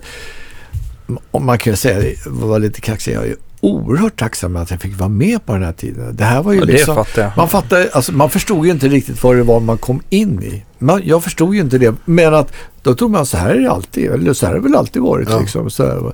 Rune berättade lite grann om, om delinspelningar.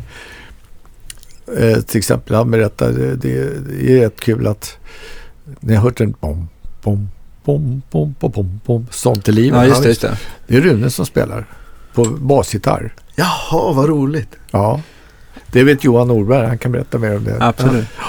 Men, eh, Man så- tar nästa gång. Ja. ja. Nej, men det, det är... Det var ju jävligt kul det här tiden alltså. Det, och det var, och det, I och med att det var så olika om man eh, inte riktigt visste vad som skulle hända när man kom in i studion heller. Det, man visste ju inte. Ibland, det hände ju några gånger då till exempel med, med ABBA att, att de, vi hade gjort en bakgrund sådär och så sa nej, nu, vi gör om den här låten vi gjorde i förrgår för att det, det funkar inte tonartat så vi får göra om det från början. Ja. Så gjorde vi det. ja. Men då, det, Hur många titlar har du spelat på? Ja, jag, jag, jag, vi har gått in på en sån här topp, det finns samisk topplista, där ligger jag på 17 plats. Ja. Hasse Rosén ligger etta. Ja. Eh, alltså det är någonstans, där står inte alla låtar med faktiskt. Och det, är- det är väldigt svårt att säga för de görs om. Och, men eh, mellan 5 och 6 tusen låtar. Men då har jag skrivit några av dem själv eftersom jag gjorde, gjorde egna plattor liksom. Ja. Sådär, så. När började det ta, ta form? Alltså din egna solokarriär och din egna musik. Det måste ju ha varit där i Ja, början 70. det var ju det. Alltså, eh, det var ju så här att jag satt ju med då på allting. Jag var med uppe på poporkestern. Jag satt ju med då i Melodifestivalorkestern också. Det var ju 71 eller 72 tror jag redan. Och sen 73 så frågade Lasse Samuelsson mig om jag hade lust att göra en, en egen platta. Ja, visst, det är ju alltid kul. Ja, visst, får jag göra det? Ja, visst, ja. Har du några låtar? Ja, jag hade ju, man hade ju lite grejer sådär som låg och skvalpade. Lite så här embryon. Ja, lite Ja. sådär. Ja. Så att jag kommer ihåg då så skulle man då och då hade jag liksom, då hade man ju, jag hade ju, vad heter det, kastat in Ola då i ABBA och, och Ola Brunkert då.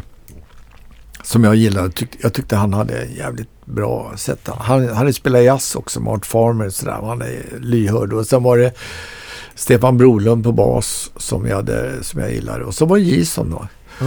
Och sen hade jag ibland på några låtar hade en annan gitarrist, Björn Linder var med på någon låt och eh, sådär. Sen hade skrivit några låtar och sen Janne Bandel kommer jag ihåg som, som är också slagverkare som spelar vibra. Och eh, så jag hade några låtar färdiga och sen gjorde jag låtarna i studion faktiskt när jag ändå höll på liksom. Jag hade visst ja. ackordföljden där på, jag kommer ihåg jordbruksmaskinen. Den, den melodistämman den skapade jag på. Jag gjorde du, du, du, du, du. Det är sju takter, sju åttondelar. Sen la jag på melodistämman efteråt. Det, det här blir bra. Liksom. Eh, Så att det var väldigt sådär och sen jag tänkte ja. Det var ingen, det var ingen, ja, sen, sen var den plattan klar och vad ska han heta då? Ja, ja, Janne Schaffer, va? det går väl bra. Jag, vet, jag hade ingen namn på den. Sen åker jag till, eh, sen får jag, Björn det är en lång historia, jag kan inte dra hela den. Men Jason Lind och jag får ett, eh, Björn Gison Lind hade en, en kamrat på Akis, på Musikaliska akademin, som, eller på Musikhögskolan som heter Leif Strand. Fantastisk arrangör och eh, körledare. Och han hade en kör som hette eh, Kammarkör, Leif Strands kammarkör. De skulle göra turné i Israel 73. Och eh, då skulle eh, Rune Gustafsson och eh, Arne Domnéus vara med. Då fick, men de ville, av någon anledning så hoppade de av. Så jag fick hoppa in istället för Rune Gustafsson och Jason istället för Domnerus. Och det var på bas Georg Riedel, trummor Egil Johansen, Bengt Hallberg och Bosse Broberg. Fantastiska Låter som en ganska, låter som Ja. en ganska fin... eh, Ja, det var otroligt. Ja, och, och det var, där förstod jag att det var inte mycket, vi hade liksom inte skapat vår egen identitet riktigt musikaliskt sådär va. Men jag hade gjort min pl- första platta då och spelat in den. Men jag vi Mm. spelade inte mina låtar utan vi spelade de låtarna som Oh what a day, what a happy, happy day. Och så, så där Bengt Hallberg satt och spelade och jag kommer ihåg vi njöt ju att få höra honom så här på nära håll och träffa dem. Liksom så där. Ja. När jag kommer hem, vad händer då? Jo, jag ligger på första plats. På alla topplistor som fanns. Fantastiskt. Försäljningslistan, allting. Och det spelades. Och jag hade ju döpt en låt då, för jag tyckte Janne Hallqvist var ju så ball. Så att jag döpte en låt till Han är, Hallqvists fort, han är fortfarande ball. Ja. Ja, Ja. så att, eh, så att så blev det. det där kom det. Och det men, Ja, det var Halkans affär. Som Ja, ja. Och då så... Det måste ju varit ganska bra reklam för honom också. Ja, det var ingen som förstod att det var, för att han var inte etablerad. Det var ingen som förstod. Alla trodde att det handlade om att det var halt ute, att det var man halka. Så kan man halka utanför en affär liksom. Så ingen förstod. Det var lite smygreklam där för honom Mm, faktiskt. okej. Jag, jag var så nöjd med det att de sa det här var Janne Schaffer med Halkans affär. Ja, nu ska vi gå över till... Så Mauer kommer låg ny du- chef. När Ja. var det här? Var det 73 då? 73. Och Låg du före ABBA på topplistan Ja, då? jag har några topplistor kvar, både ABBA och, och, och Gärdestad. Men jag bestämde mig snabbt för att jag, ligger, jag vill inte släppa det här med... Och man visste inte heller att det var inte samma tid att man kunde liksom sticka ut och lira. Men alltså det öste. Det blev så mycket förfrågningar om oss. Kan inte du spela? Så att då hade jag ju träffat Jason. Jag, spel, jag trodde att han spelade på min skiva först. Men det visade sig att jag spelade på hans andra skiva först. Och sen spelade han på min. Okej. Och han fick en liten hit i, i, i Holland med en låt som heter My Machine. Som ni kan lyssna in om ni är. För Ska vi det, det är en rocklåt. Han spelar rockflöjt. Alltså, Ja. Det var, ja, det var en fantastisk låt. Men i vilket fall som helst så, så sa vi det att vi, vad fan, vi, vi slår våra huvuden ihop och så bildar vi med, med, med Stefan och, och Ola och, och sen så tog vi med Janne Forsell. För det här, eh, eh, vi hade träffat Janne Forsell på radion när han spelade in på radio och tv så hängde Janne Forsell efter oss. Liksom. Och Kjell Arling och Janne Forsell de hade gjort ett radioprogram som hette Hemma hos. Som var sådär otroligt populärt. Det var ju liksom sådär, de gjorde grejer som var helt förbjudna att göra på radion. Va? Så att, och de sändes mellan 11 och 12 på natten. Va? Men hela Sverige satt och lyssnade på det här. De skrek och de, ja, de spelade de mest mystiska låtar och sådär. Ja. va. Ing, de, men så hade de en image, ingen skulle veta hur de såg ut. Men Janne Forsell sa då att jag, det var han som döpte oss till Hörselmat. Då sa han så här, jag följer med på er turné. Och så är det så här, jag skriver er pressrelease, inte ett ord är sant. Det stod så här, Björn Gison Lind, son till operasångaren Ingvar Lind. Visste ni att Björn Gison Lind som, som 16-åring var med i 10 000 kronors fråga ämnet Wagner? Alltså, allt, och det kom in vet du, överallt i varenda tid. Det fanns ingenting som stämde. Det var sån anarki va. Fick du, stod det något titel på om dig då? Ja, det stod jag. Jag spelade med, med eh, vad hette det bandet? Jag ett eh, Gottes orkester från Norrköping. Och, ja, det alltså allting var bara... eh, Tok. Ja, allting var... Fast, men det var ingenting som var elakt eller sådär. Nej. Det skulle kunna vara sant om man inte kollade upp det noga. Ja. Och en del tidningar tog in och så var det en, väldigt suddig bild på eh, filmen Ivanhoe, massa riddare på också. Inte ens våra bilder, men allt kom in. Kom in och då hade, det, Det måste, det måste ju suttit och skrattat åt Ja, vi hade Det- skitkul. Och sen börjar hela konserten med att Janne Forsell kommer in. Det, alltså det är ju utsålt liksom. Det går ju på, på mitt kanske namn mest då och Gisons också. Så kommer han in och där sitter publiken. Och så plötsligt börjar han prata. Ja men det är han! Det är han! Ja, det är det. han! Och så står han, han gjorde, man kan säga stand-up, första stand-up. Så han gör, och han sa de mest vansinniga grejerna liksom. Vi lät honom, han fick vara fri. Han, och, han, och han gjorde precis så som man gjorde i den där programmet. Sen gick vi in och lirade. Sen lirade vi våra låtar då. Så vi gjorde två, eh, det var Emma Telstar som bokade den turnén tror jag. Vi började i Boden, fast han tröttnade. När vi kom till Uppsala så hade, då hade Janne tröttnat så att han kommer in och säger första, han säger bara en sak, för fan för Norrland, säger han. Och det var jävligt pinsamt för det var Norrlands nation.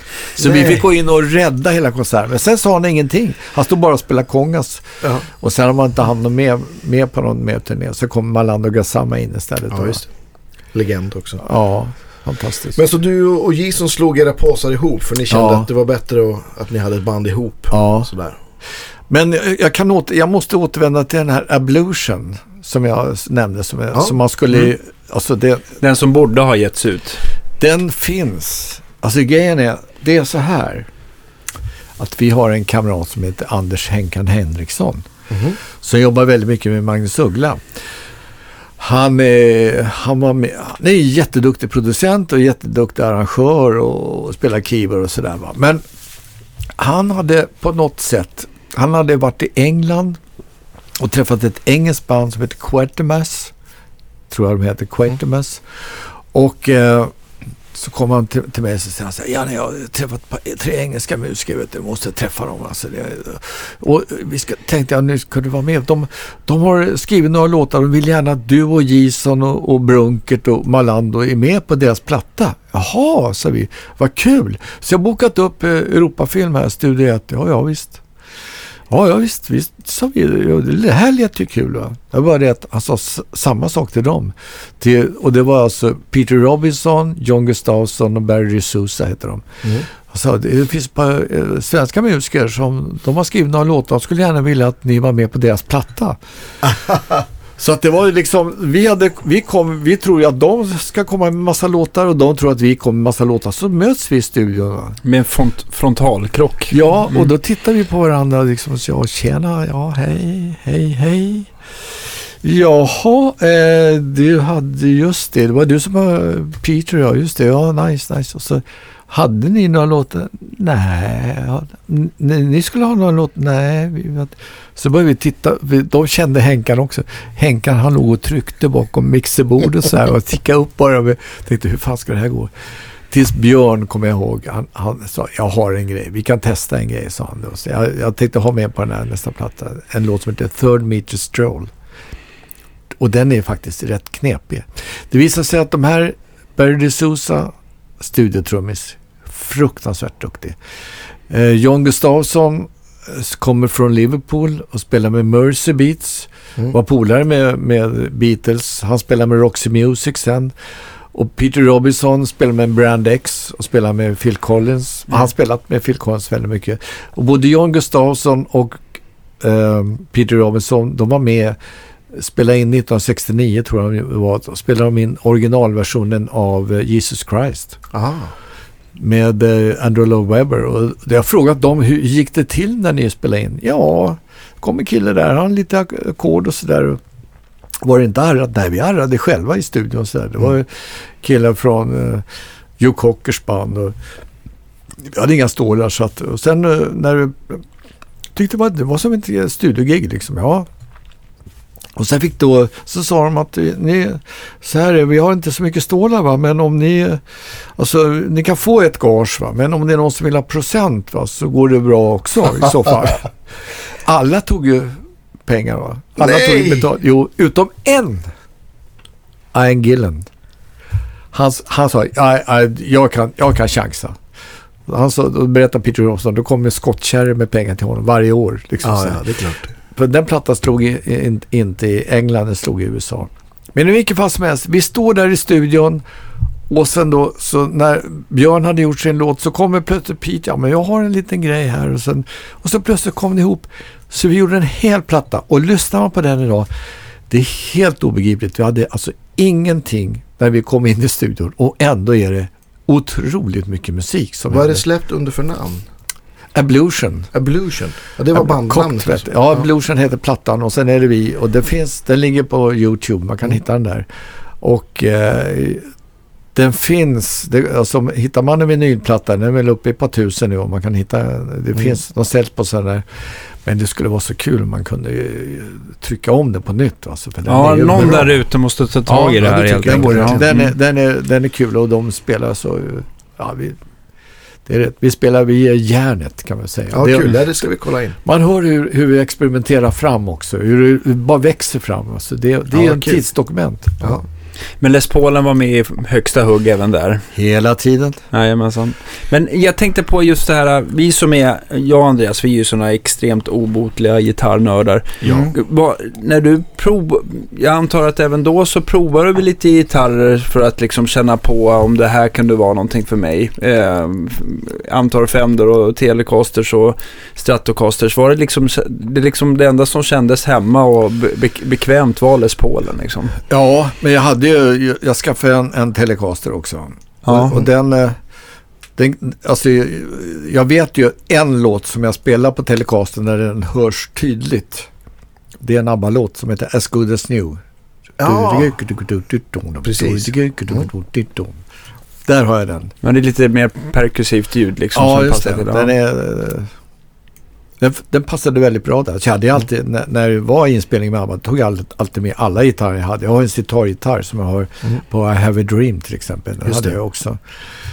Den hade jag på eh, Jag vill ha en egen måne också. Mm, Sitargitarren och... eh, Det kommer jag ihåg. Du, som, som barn så kommer jag ihåg att du låg på Svensktoppen med någon låt med sitar. Berzelii Park. Ja, exakt. Mm. Härligt. gjorde det. Ja. Så den har använts flitigt också. Ja, Om man, om man backar till 70-talet där. Eh, vi pratade om Fender och Music Man. Om du, så här, om, du fick ta, om du tog med din egen stärk, vad blev det då? det var nog Concert eller Music Ja. Man tror jag. Skulle jag nog kunna tänka mig. Och, och, och då var det väl ändå inte, det hade ju kommit Men fusk. MPEG hade jag också. Ja. MPEG måste jag också. Ja. Det var rör. Ja. Jag tänkte, då så fanns det ju liksom lite gitarreffekter. Hade du ett rent golv eller hade du liksom fullt med pedaler med fussar och vabba Ah, ingen, och allt? ingen fass. Det har jag aldrig, jag har aldrig riktigt tyckt att det blir något bra. Det, utan jag st- överstyr stärkaren istället. Ja. Eh, jag hade ju Morley. Jaha. Morley-pedalerna förstår du. Morley. Ja, de var... Kom, var både, Mm. Ja. Eh, Och de, var, de gick på el också. Det var, det var alltså dels wah och volym och så Mm. fanns det en, en, eh, en sån här... eh, Boost. eh, Nej, det, det, var, det var eko. Alltså man, ju Aha. längre man tryckte ner den och, och det finns, det kan man också om man vill höra på en känd låt så kan man höra en annan ABBA-låt så lång. För jag, det stod jag och lekte mig inne i studion liksom på metronomstudion. Oj, oj. Det var en hund som ja. Det ligger en hund begravd mm. ja. Jo, vilket fall som helst så hade, hade jag den där eh, pedalen. Om man trampade ner den va, så, bo, bo, bo, så bara snurrade min... Ja, eh, Orcelerade ja, liksom. Ja. Precis, det mm. kan man säga. Det var fint ord. Eh, då i varje fall så hade vi gjort den bakgrunden på So long, digga, digga, digga, så, och då, då, jag tryckte ner, då säger Micke, fan det är skitball, Janne, kör det, lägg den, vi lägger den i introt. Och så ligger den, den ligger i introt på So long. Jag har alltid trott att det var en synt, vet du vad? Ja, nej, det är, Ja, det är gitarr. ett, ett eko som oscillerar. Ja, just det. Du spelade ju upp, eh, jag och Janne satt i bilkö på vägen hit, härliga Stockholm.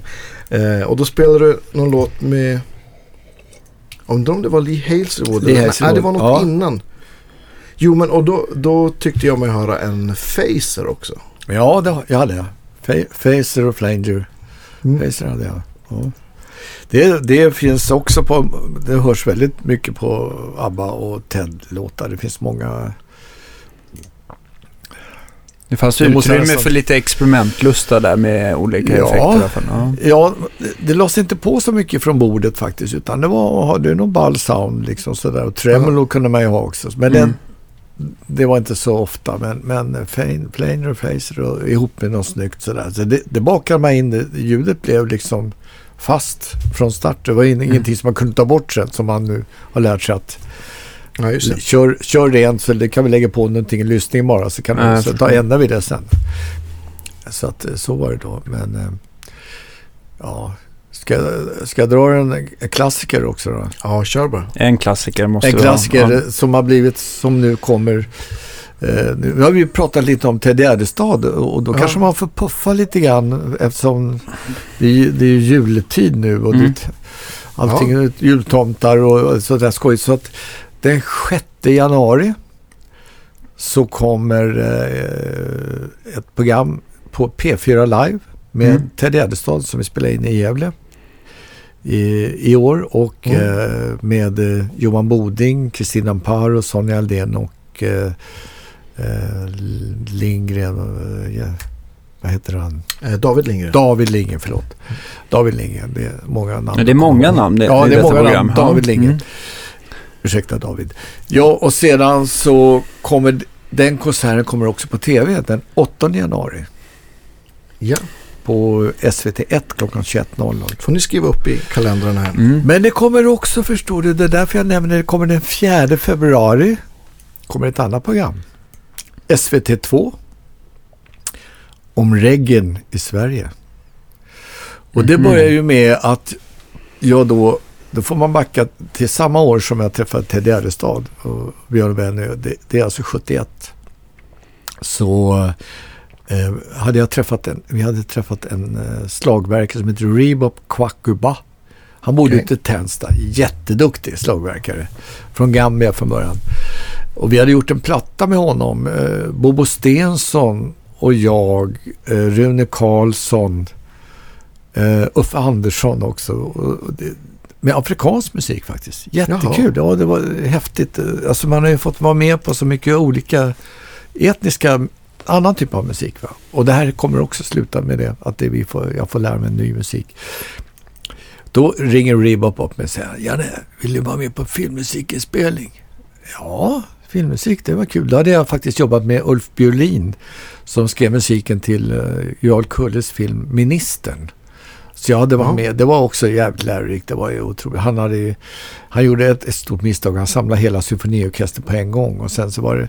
Så alla satt, det satt, jag tror det satt en oboist och väntade tre dagar innan han fick ta första tonen. Men han tickade ju hela tiden liksom sådär va. Istället för att ta dem, försöka göra, bygga upp ett schema som man, så slipper någon sitta och vänta sådär. Men han var väldigt nöjd. Han gick in och övade hela tiden sådär. Vilket fall som helst, jag, så jag sa det, Åh, vad kul, sa jag. Reebok, vad, vad är det för filmer? Ja, det vet, det kommer hit en amerikansk soulsångare, heter Johnny Nash. Och han ska skriva musiken och spela huvudrollen eh, mot Kristina Skolin i en svensk film som heter Vill så gärna tro. Jag brukar alltid fråga alla, hur många kommer ihåg den filmen? Ingen. Det är ingen som kommer ihåg den. Mm. Därför gick det efter två dagar. Men om jag har faktiskt sett filmen Två nu- dagar, det Två var, dagar. inte, det, var inte länge. var, nej, det var inte länge. Eh, det var inte så film... Det, väl inte det, var, det var liksom ingen rusning kan man Nej, det var ingen biljettrusning trots att Kristina Skolin var med. Men filmen handlar faktiskt om rasism och det var, de var väldigt tidigt ute där. Det var, Ja. det var eh, inte helt oävet skulle jag vilja påstå. Mm. Vilket fall som helst så är det inte filmen som är intressant utan det är filmmusiken. Johnny Nash kommer hit med manager, musiker, arrangör med fyra, fem stycken sådär. Och eh, istället för att hyra in sig på ett dyrt hotellrum så hyr man en hel villa i Nockeby. Fashionabla eh, Mm. område, villaområdet i Stockholm. Och så blir vi kallade till studion. Det är Ola Brunkert och jag. Och ibland är det en ba- en basist, Bosse Häggström, ibland är det en, en gitarrist också. Eller så spelar de själva. Mm. Och eh, så eh, kallade till studion och så tänkte man det tar väl en eller två, kanske tre dagar. Men det tog en vecka, två veckor.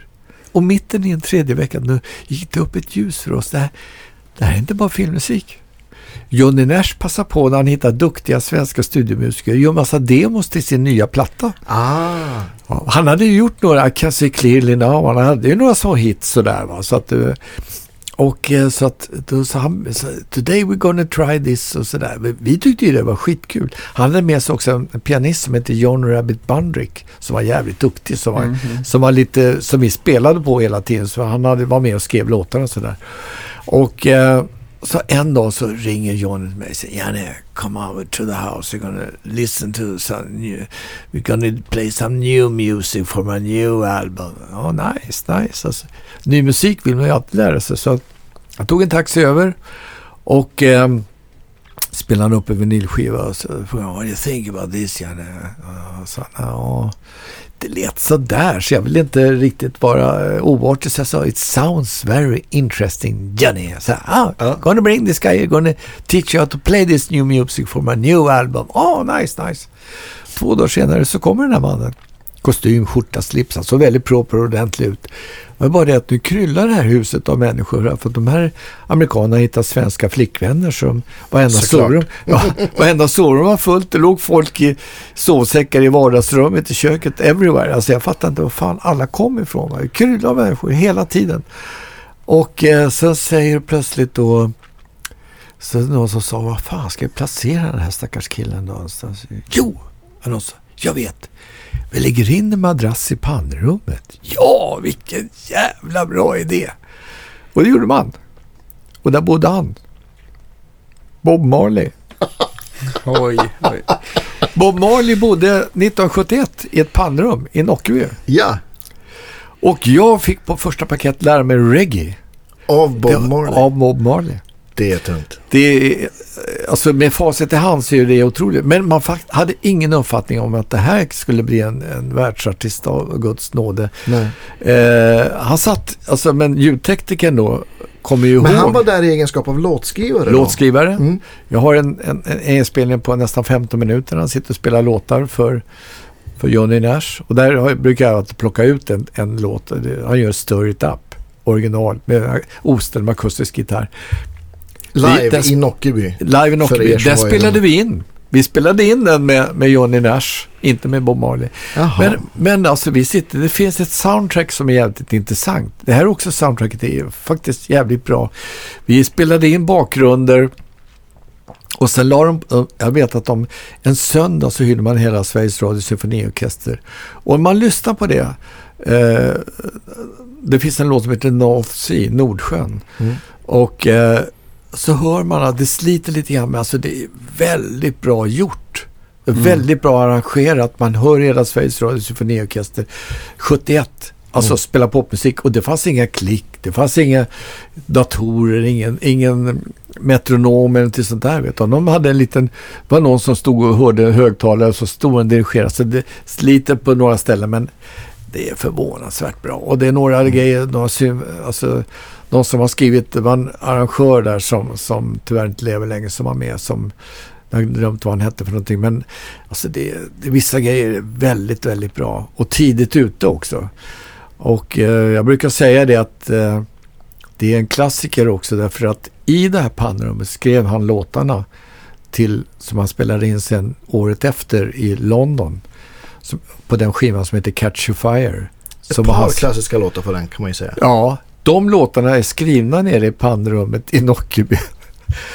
Och det är lite häftigt faktiskt. Det är lite det är tungt. jättehäftigt. Ja. Undrar om de som bor där nu vet om det. Ja, det vet de. Det kan jag säga. Alltså de som bodde efter, det har bott flera familjer efter. Just de som bor där nu, jag brukar inte tala om vilken adress det är för att det är onödigt. Men, men det satt ett liten plakett ovanpå, ovanför dörren. Här bodde en gång Bob Marley 71. Så det, är- det är tungt. Det är Verkligen. Kul. Ja. Så det, det är ett minne och det, det är hur vi spelade in där. Och det låter, om man lyssnar på det soundtracket, alltså, det låter ju bra. Och nu har jag tappat ljudtekniker, men det var ju, jo, Lars Rosin hette ljudteknikern. Och han, han har minnen från det här. Ja, han sa det, jag kommer ihåg när du och Bob satt ju där med varsin akustisk gitarr. Det var mycket akustisk gitarr faktiskt. Som, och spelade. Så att det var... Känns som sån här, för det där har väl aldrig getts ut?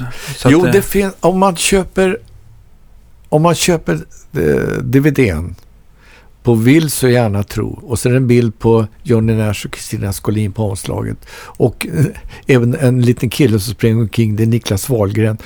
Så i den så finns hela filmen och så finns det kommentarer och sen ligger hela soundtracket i den. Ah, okej. Så att det, det fick bara komma ut om tillstånd om, om eh, det fanns ihop som film. Ja. Tack. Så det finns, men det har gjorts två vinyler och där finns det finns på vinyl faktiskt. Och det är två vinyler och det, Mhm.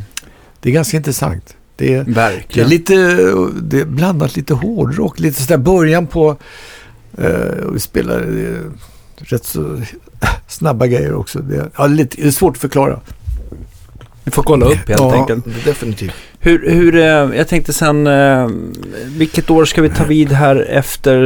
eh, Vi var väl någonstans sjut- mitten 70 känns det som. Ja, Ja. vad hände sen? Jo, jag kan ju prata hur länge som helst. Jag bara, finns- läng- jag bara längtar tills vi kommer fram till den röda Larivé-gitarren så vi kan skrapa Jaha. lite. Ja, men då, då kan vi, ja, men vi, Nej, måste, vi- vi måste ju ta en annan, Absolut. en annan grej. Och det var ju det att jag kan ju nämna nu då att, att eh, också en nyhet. Att den 2 januari 2017 så släpps tre av mina plattor i England. Mhm, Och det, ja, absolut. de som jag spelade in för. CBS. Eh, alltså, de två första gjordes på, på Lasse Samuelsson, Four Leaf. Men sen gjorde jag en platta som heter Catharsis. Och den plattan, eh, där spelar Rabbit som var med på eh, Bob Marley och Johnny Nash och eh, Jason är med. Och, jag skrev lite låtar där som jag tyckte var lite kul. Man kan väl säga att den första och den andra plattan, visst det var ju lite funkigt. Vi hade lyssnat på The Meters och sådär. var lite, Mm. Men tredje plattan började jag känna att det ska vara lite folkmusik. Lite, det, det, det finns lite sån där, eh, lite mera eh, sådana låtar med där på den. Eh, och eh, den släpptes faktiskt i USA. Och fick en fantastisk recension i Rolling Stone.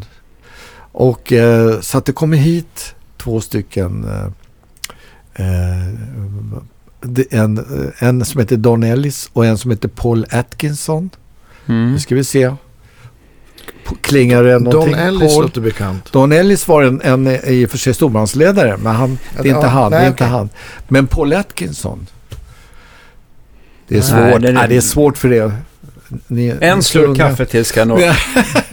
Då ska jag se. Paul Atkinson var gitarristen i Zombies. Nej. She's not there. Ja, okej. Ja, det, det var ett Ja. bra band. Argent heter pianisten som har gjort en solokarriär sen. Men Paul Atkinson var chef på CBS och han kommer hit och så lirar vi ett gig på Hollandar, alltså kårhuset i Holländargatan. Det är jag, Björn Jonsson Lind, eh, Christian Weltman och Malando Gassama. Mm. Vi hette Hörselmat, vi hade bi- ombildats då. Och de bara säger, det här är så jävla bra. Det här är skitbra. Kalla upp Janne på, på, på vårt hotellrum. Ja. Så jag gick upp då på Sheraton och där satt de så här. "Åh." Och så vi har, vi har hört din platta i USA, i Katarsis, alla pratar om den, den är skitbra. Och nu hörde vi dig live. Du, du, du spelar ju skitbra. Jag tycker det. till- Det är man ju väldigt glad att höra liksom sådär. Ja, vill du spela in en platta i Hollywood? Ja, ja visst. Ja, då så här, hur vill du göra? Ja, så, så jag tänkte. Då hade jag ju lärt mig det att eh, Jason måste vara med. Mm. Så jag sa det, vi ju Han var än- Ja, vi, vi kände att vi hade en grej ihop liksom. Vi hade redan, även om vi kommer från olika världar, han från välutbildad, jag från rockvärlden, men vi möttes och hade samma uppfattning Så här komplettera varandra lite grann Ja, det också. kändes som att vi hade en, verkligen hade en grej. Det gjorde vi hela hans liv faktiskt, Mm. så länge han levde. Men i varje fall så, så sa han så här, "Ja, vilka, så sa det Peter Robinson som var med då på Evolution. Han bodde i Hollywood, så han kan vara med också. Ja, ja. Jag tänkte man måste ha så många som man känner för att stå där med främmande musiker, hur ska man förklara allting? Ja, Mm. ja men vilka vill du ha med mer? Ja, jag vet inte. Jag, jag, jag vet ingenting om kompa i Hollywood liksom. Det är långt bort. Och så, ja, men titta på dina plattor hemma. Du har ju säkert massvis med skivor hemma. Ja. Och så tittar jag hemma och så lyssnar jag igenom. Så, så. De, de kom med ett förslag, en trummis som heter Gary Malaber som spelar med Steve Miller Band.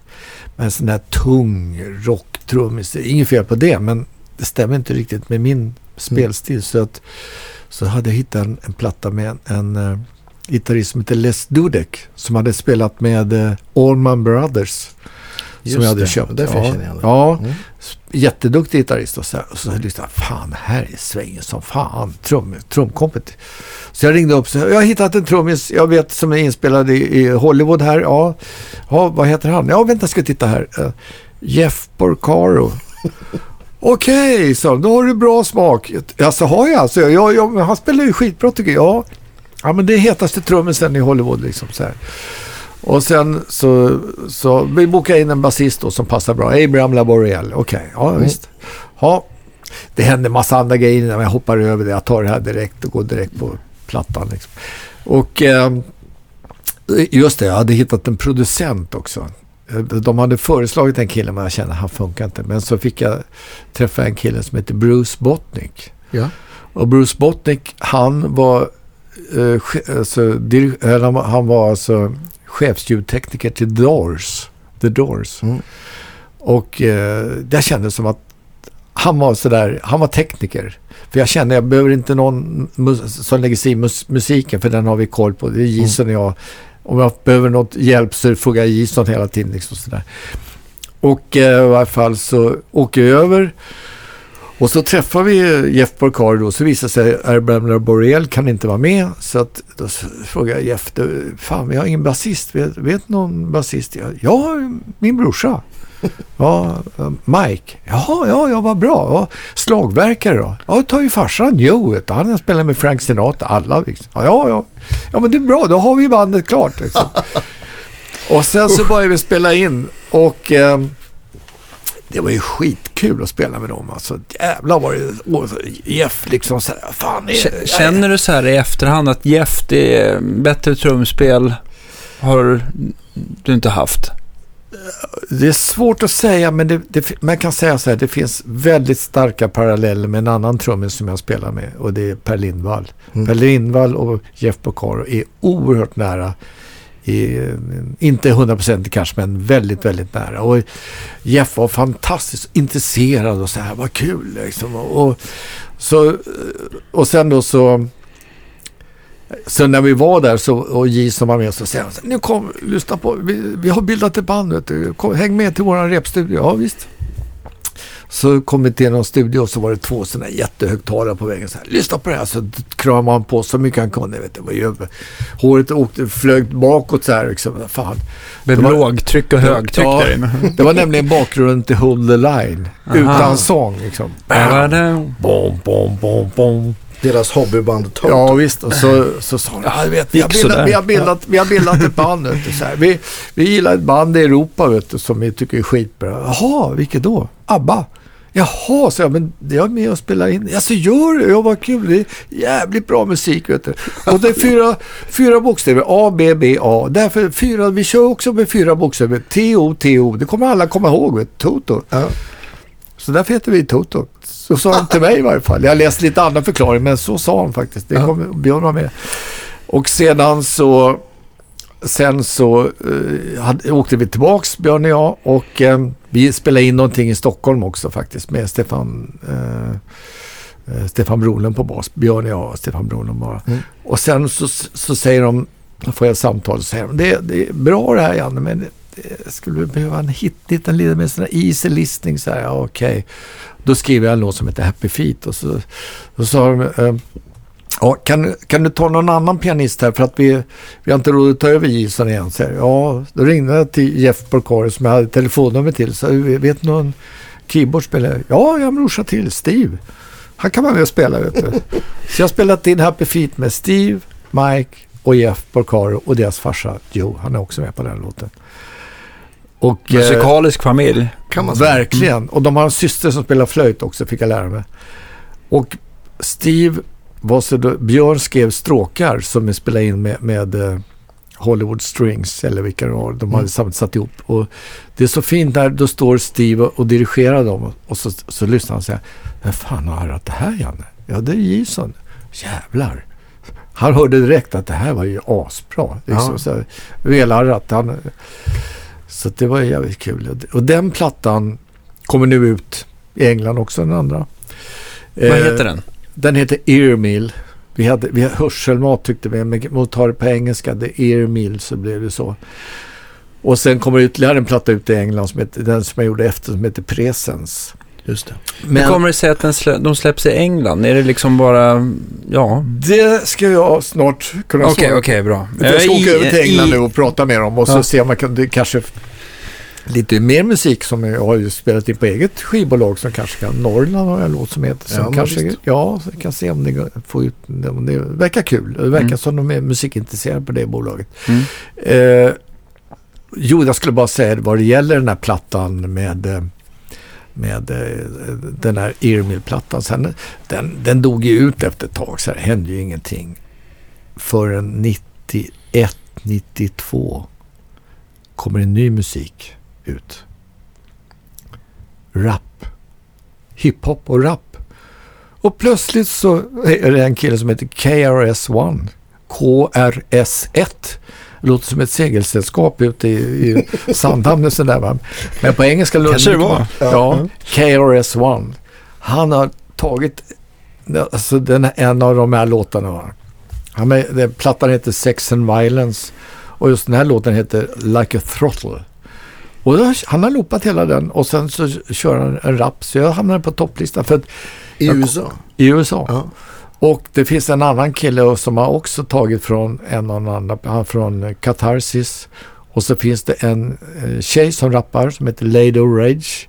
Också tagit från samma låt, men It's Never Too Late heter den här låten. Och då, så jag hamnar på ho- hiphop. Men va, då måste de, om jag, ja, min hjärna spinner här, men då måste de ha hittat det här i någon skivback Ja, i, låt ja. säga New York eller LA och så.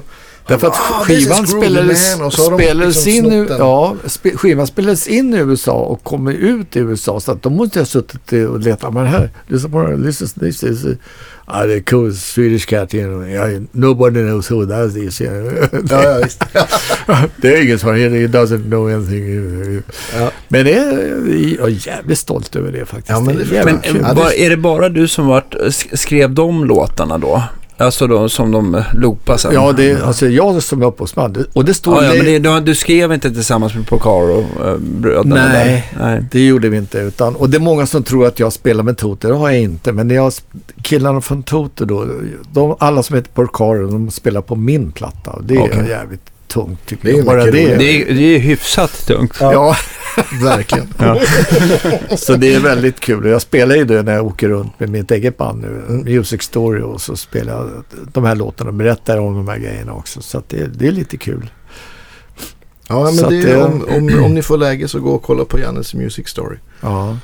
Hur, hur ser det ut med, med spelningar framöver här i 2017? Är det fullbokat i kalendern? Eh, det fyller på lite lugnt och säkert. Eh, Jag ska ner till Växjö den 5 mars och spela med Music Story. Då kommer Mm. den här att dyka upp. Men Mm. jag tänkte bara att eh, jag, en, om vi ändå är inne på nördgrejen Ja, sådär. Så finns, jag, det finns ju en liten... Jag sa det till Andreas tidigare också. Att de flesta låtar som har blivit stora hits. Satellit, Ring Ring, Waterloo, Mamma Mia, eh, you name it. Alltså, de är ju inte... De är framskapade i studion. Mm. Jag vill ha en egen måne. Eh, Alltså det är alla... eh, Och även mina låtar, Halkas affär och sånt där. Det är liksom mycket skapat i studion. Men det finns några undantag. Och det är eh, den här med, med Lasse Berghagen. Han tog av sig Ja. sin kavaj. Ja. Den var, den var, ja, det är Sven-Olof Wallov, färdigskrivet, arrat och klart. Eh, krama mig med, med Skifs. ah. Ja. Bengt Palmers. Eller Det känns alltid värre framåt natten. Ja, just det. Också skift. Det är Bengt Palmer han har skrivit ut alla noter. Där står allting nedskrivet. Där.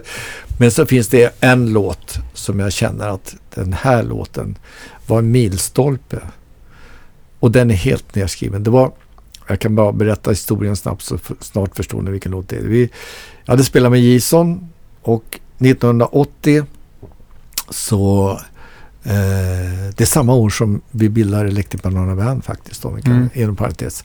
Men då, hade vi, då skulle vi spela på Mosebacke. Och Björn skulle skriva musiken till en film eh, som heter Barnens ö som skulle göras av Kai Pollak. Och eh, Kai Pollak är där och lyssnar för att höra lite musik och lära, ska åka hem till Björn som bodde i tv då. Och precis efter, efter giget så ger Björn mig ett litet notpapper så säger han så här, det här ska vi spela in på onsdag. Så. Jaha, det ska vara med i filmen. Så det. Jaha, ja, ja. Ta hem pappret och så, så går det bara. Så tittar jag på den här låten och tänkte, vad fan. Helvete. Alltså jag har ju sett noter som jag har skrivit. Vi har ju gjort massvis med grejer liksom sådär. Va? Det är lite noter och lite ackord sådär. Men här var ju, hela allting var utskrivet. Så tänkte jag, fan. Och så, så jag ringer till Björn och så säger jag, tjena Björn, hur, hur gick det med Kai Pollak där? Nej, du vet, jag ska inte skriva eh, musik till, Kaj, till Barnens ö. Jaså? Nej, det funkar inte, så det går inte. Nej. Men eh, du gav mig en, en not där, så den då? Ja, den ska vi spela in, så det. ska vi göra på onsdag, så det. Jaha. Hur ska jag spela den då? Du, jag tänkte du skulle räkna ut det själv. Varsågod. Vilket förtroende. Så då satte jag mig ner och så började jag plocka ut den här låten då, liksom så här. Och så kände jag, fan, att det funkar nog bättre om jag lägger upp den här låten en oktav. Och så, så tog jag, plockade jag upp den en oktav och så pluggade jag in låten så jag kunde den utan till Men jag läste av hela, not, alltså hela melodin på, på noter sådär. Så kom vi till Metronomstudion. Och det är Björn och det är Per Lindvall och det är Staffan Brolund. Det är två tagningar. Det är Brusa höger lilla å. Ja. Och den var helt nedskriven alltså. Sådär. Och det liksom... Och det var så bra att han gav mig, för då kunde jag, hade han gett mig noten i studion så hade jag aldrig spelat sådär som jag gör. Va? Nej. Utan jag visste jag var helt säker precis hur jag skulle göra mina bends och sådär. Och eh, apropå det så, jag satt ju också 74 tror jag med, med Rune Gustafsson och eh, en, eh, jag har glömt vad han heter. Ralf Sandberg som var huvudlärare på, på Musikhögskolan på gitarr. Och la upp riktlinjerna för att få in elgitarr på, på Musikhögskolan. Ja. Så att det var där skapade vi då första, ska vi säga, grunden. Vad ska vara med i undervisning och sånt där. Va? Så, för det fanns ingen undervisning för elgitarr på Nej. Musikhögskolan. Vilket jag är väldigt stolt över att vi fick sitta med där. och Skriva, under, skriva under massa papper liksom. Så här, det, det här bör ju vara med och så. Och sen kom det nästa grej då. Eh, och det var notation för elgitarr. Hur skriver man för... Och, jag kommer ihåg en kille som kom hem till mig så här. Hur, hur har du spelat efter för noter igen? Står, den, den där, när du spelar brusa höger där, du drar ju på to, en ton där. Hur, hur gör du det? Ja, det sa jag det. Det har jag räknat ut själv. Det stod inte det i noterna? Nej, det gjorde det inte. Så det, ja, men hur noterar man det? Och sen, så man ville alltså ha, hitta tecken för att, att göra hur, hur, långt, långt ner kan du böja en ton? Eller hur långt Mm. upp kan du töja en ton? Jag sa det, har att göra med vilken gitarr du har och sådär. Men Nu är det ju en del som skriver för klassisk musik och elgitarr, vilket jag tycker är jävligt kul. Alltså Anders Mm. Hillborg vet jag och.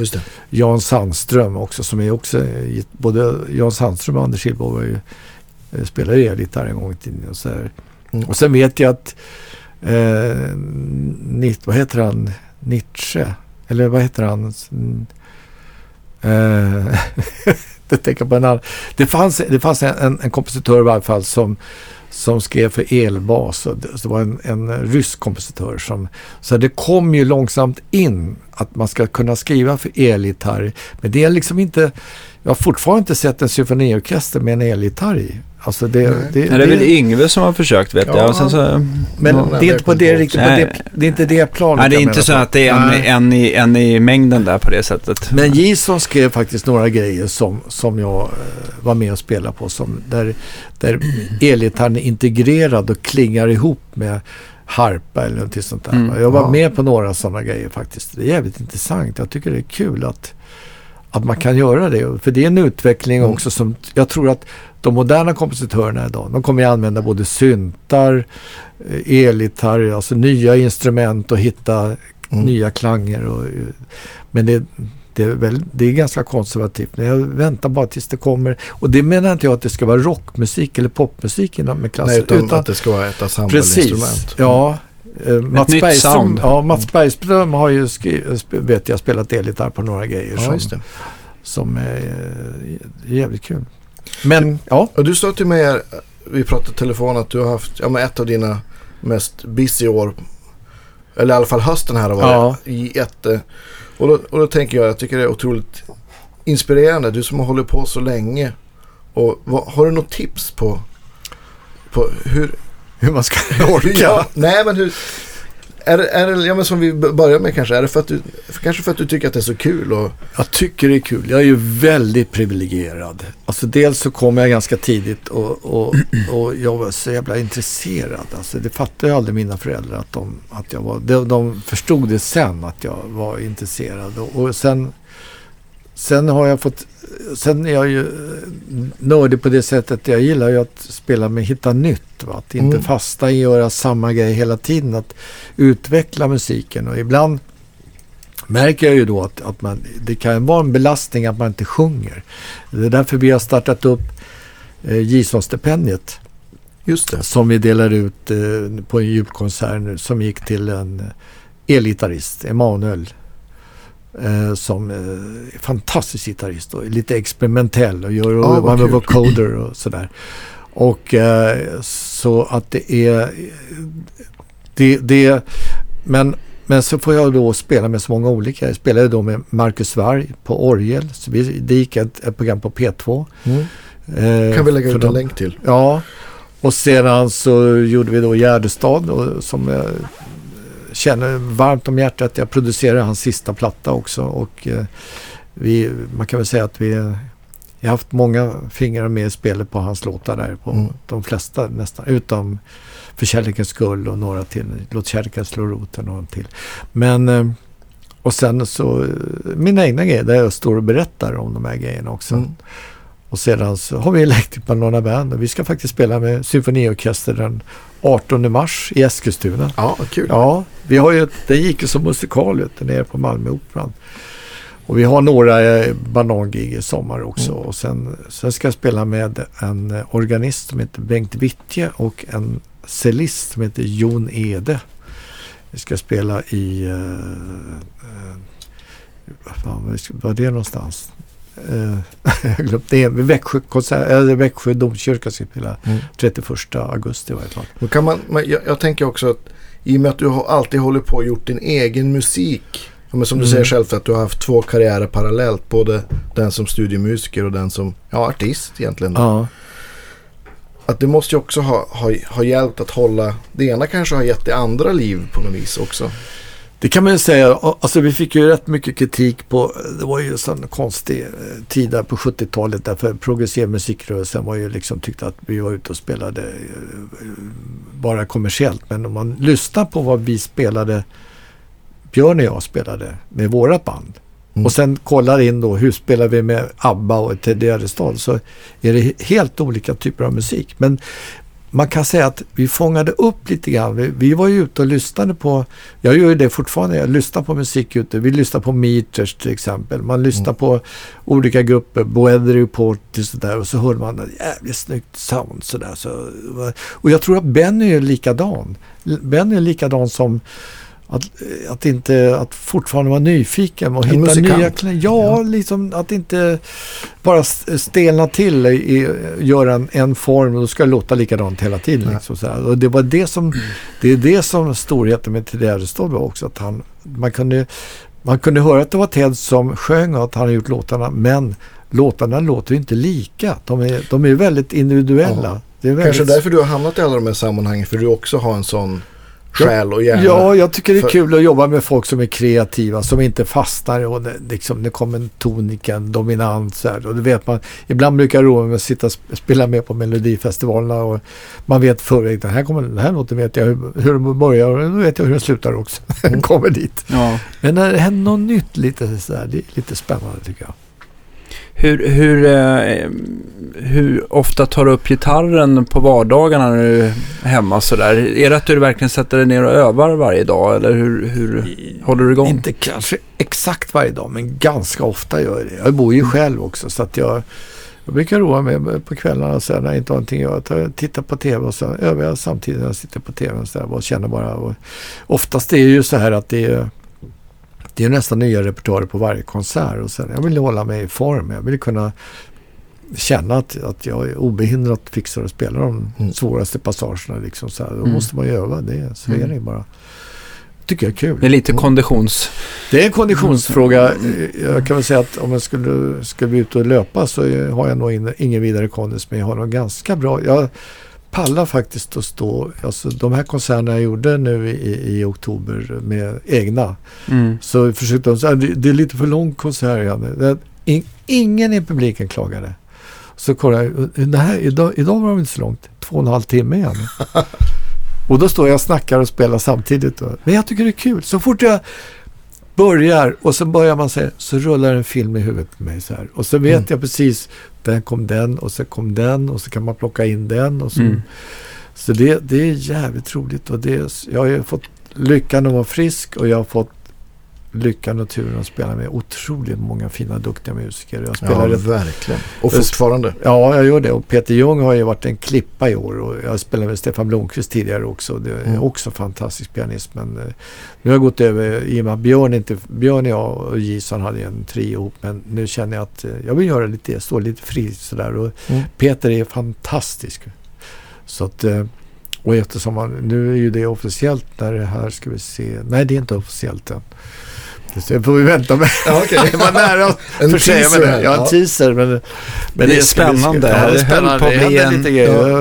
Att att Vi, måste, vi måste röra vi, vi måste prata om, den, om, om din Larry V-gitarr också. Ja, jag tänkte säga det. För den använder du väl i dagsläget va? Det har jag i dagsläget. Den är med på 98,5% av allt du gör. Ja, det är det. Den är väldigt bra. Ja, den, den är allround, stämmer bra, eh, får bra sound och jag har en, eh, jag har eh, en PV-förstärkare som jag, en stereochorus som jag är väldigt nöjd med. Mm. Jag har en volympedal och jag har en wah-wah-pedal.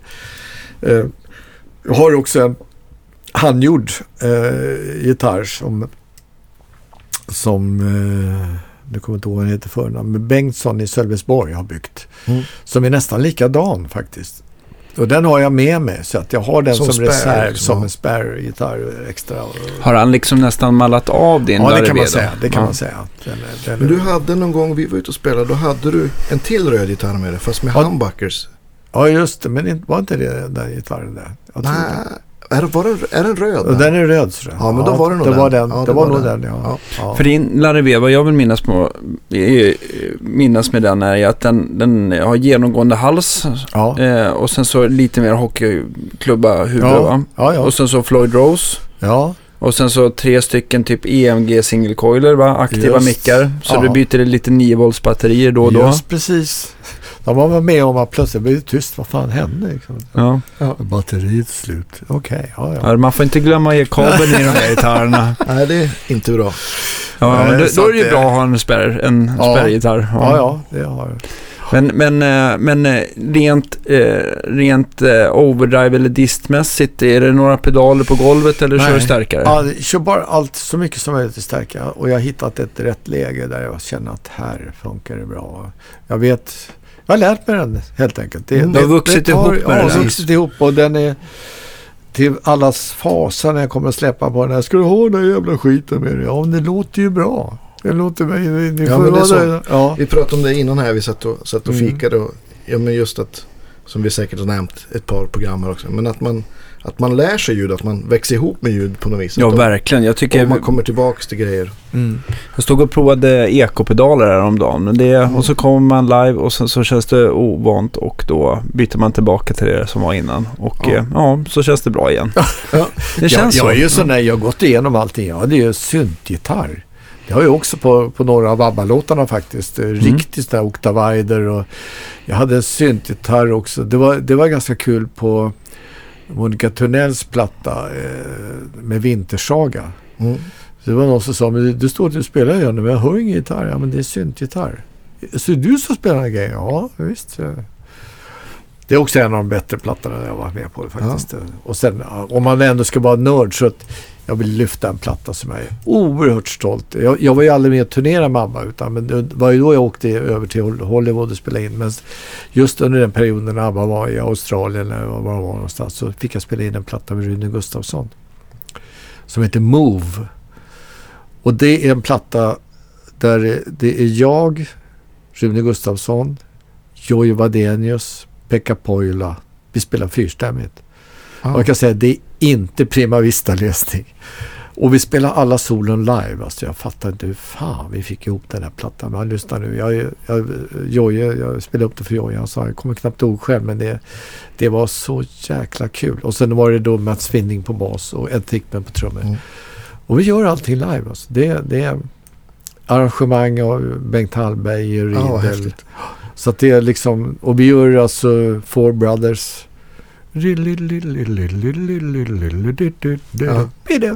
Och så vidare. Det Så blir en lång spellista inför för det här avsnittet. Ja, det, jag kan säga det. det, det, det om ni Ja, kan det, hitta det. det detektivarbetet det är en Ja. heltidstjänst här Ja, som man kan få ansöka om på vår podcast. Ja. Nej, då, men det är, det är imponerande att, det liksom, att du är så otroligt många, alltså att det är så otroligt många människor du har samarbetat med och liksom ehm, ja, du, har- du har hållit på ett tag. Det är en lång karriär och du minns allting kristallklart. Ja, jag haft tur och, och kanske lite skicklighet också. Men, men och sen tyckte att det här är värt att offra en del för. För det, det, det finns ju alltid ett pris. Det är alltid, man får öva. Man kanske inte kan vara med på alla roliga fester som man skulle tycka var fan. Fan, du är aldrig upptagen. Du är aldrig hemma någon gång. Du kan... Ja.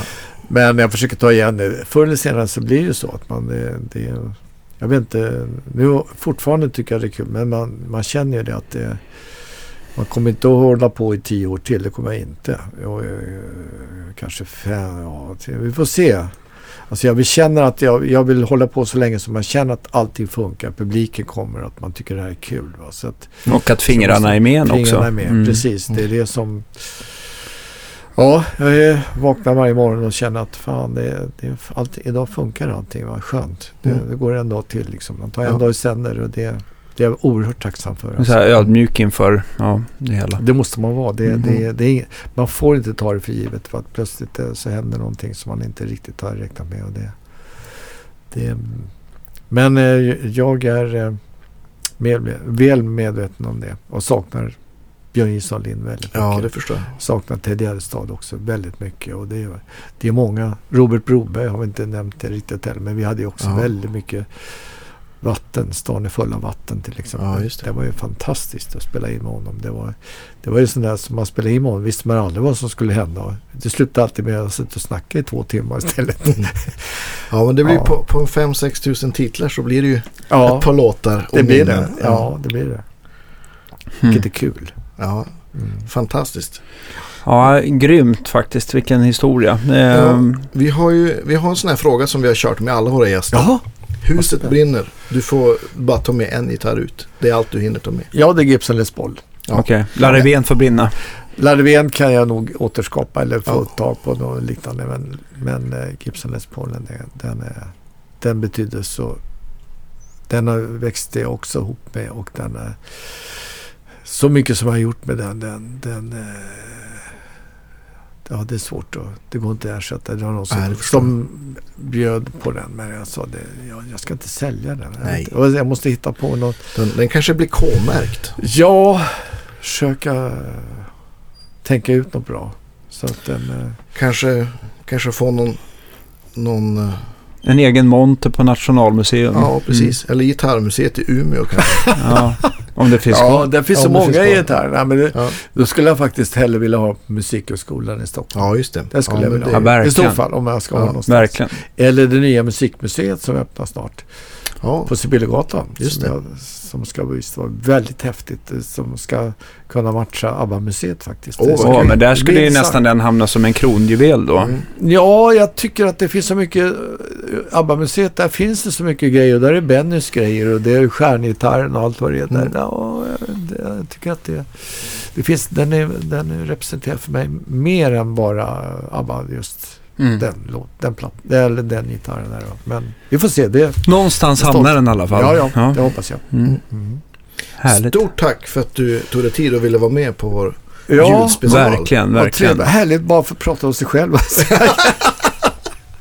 Absolut. Ja, ja, det, Ja, vi hade ja, kunnat sitta här i, i tre timmar till utan Ja. problem, det vet jag. Vad Som, kul. ja. Vad kul att Men det känns som att eh, jag tror att det är många här som kanske inte hade fått höra din story annars lika eh, lätt. Så att det är väldigt Ja. kul att vi fick. Får jag önska alla Ta del av det. god jul och gott nytt år. Ja, Ja, detsamma. Ett fint år 2017. ja. Ja. Tack för idag. Tack så mycket. Tack, Hej tack. då. Hej då.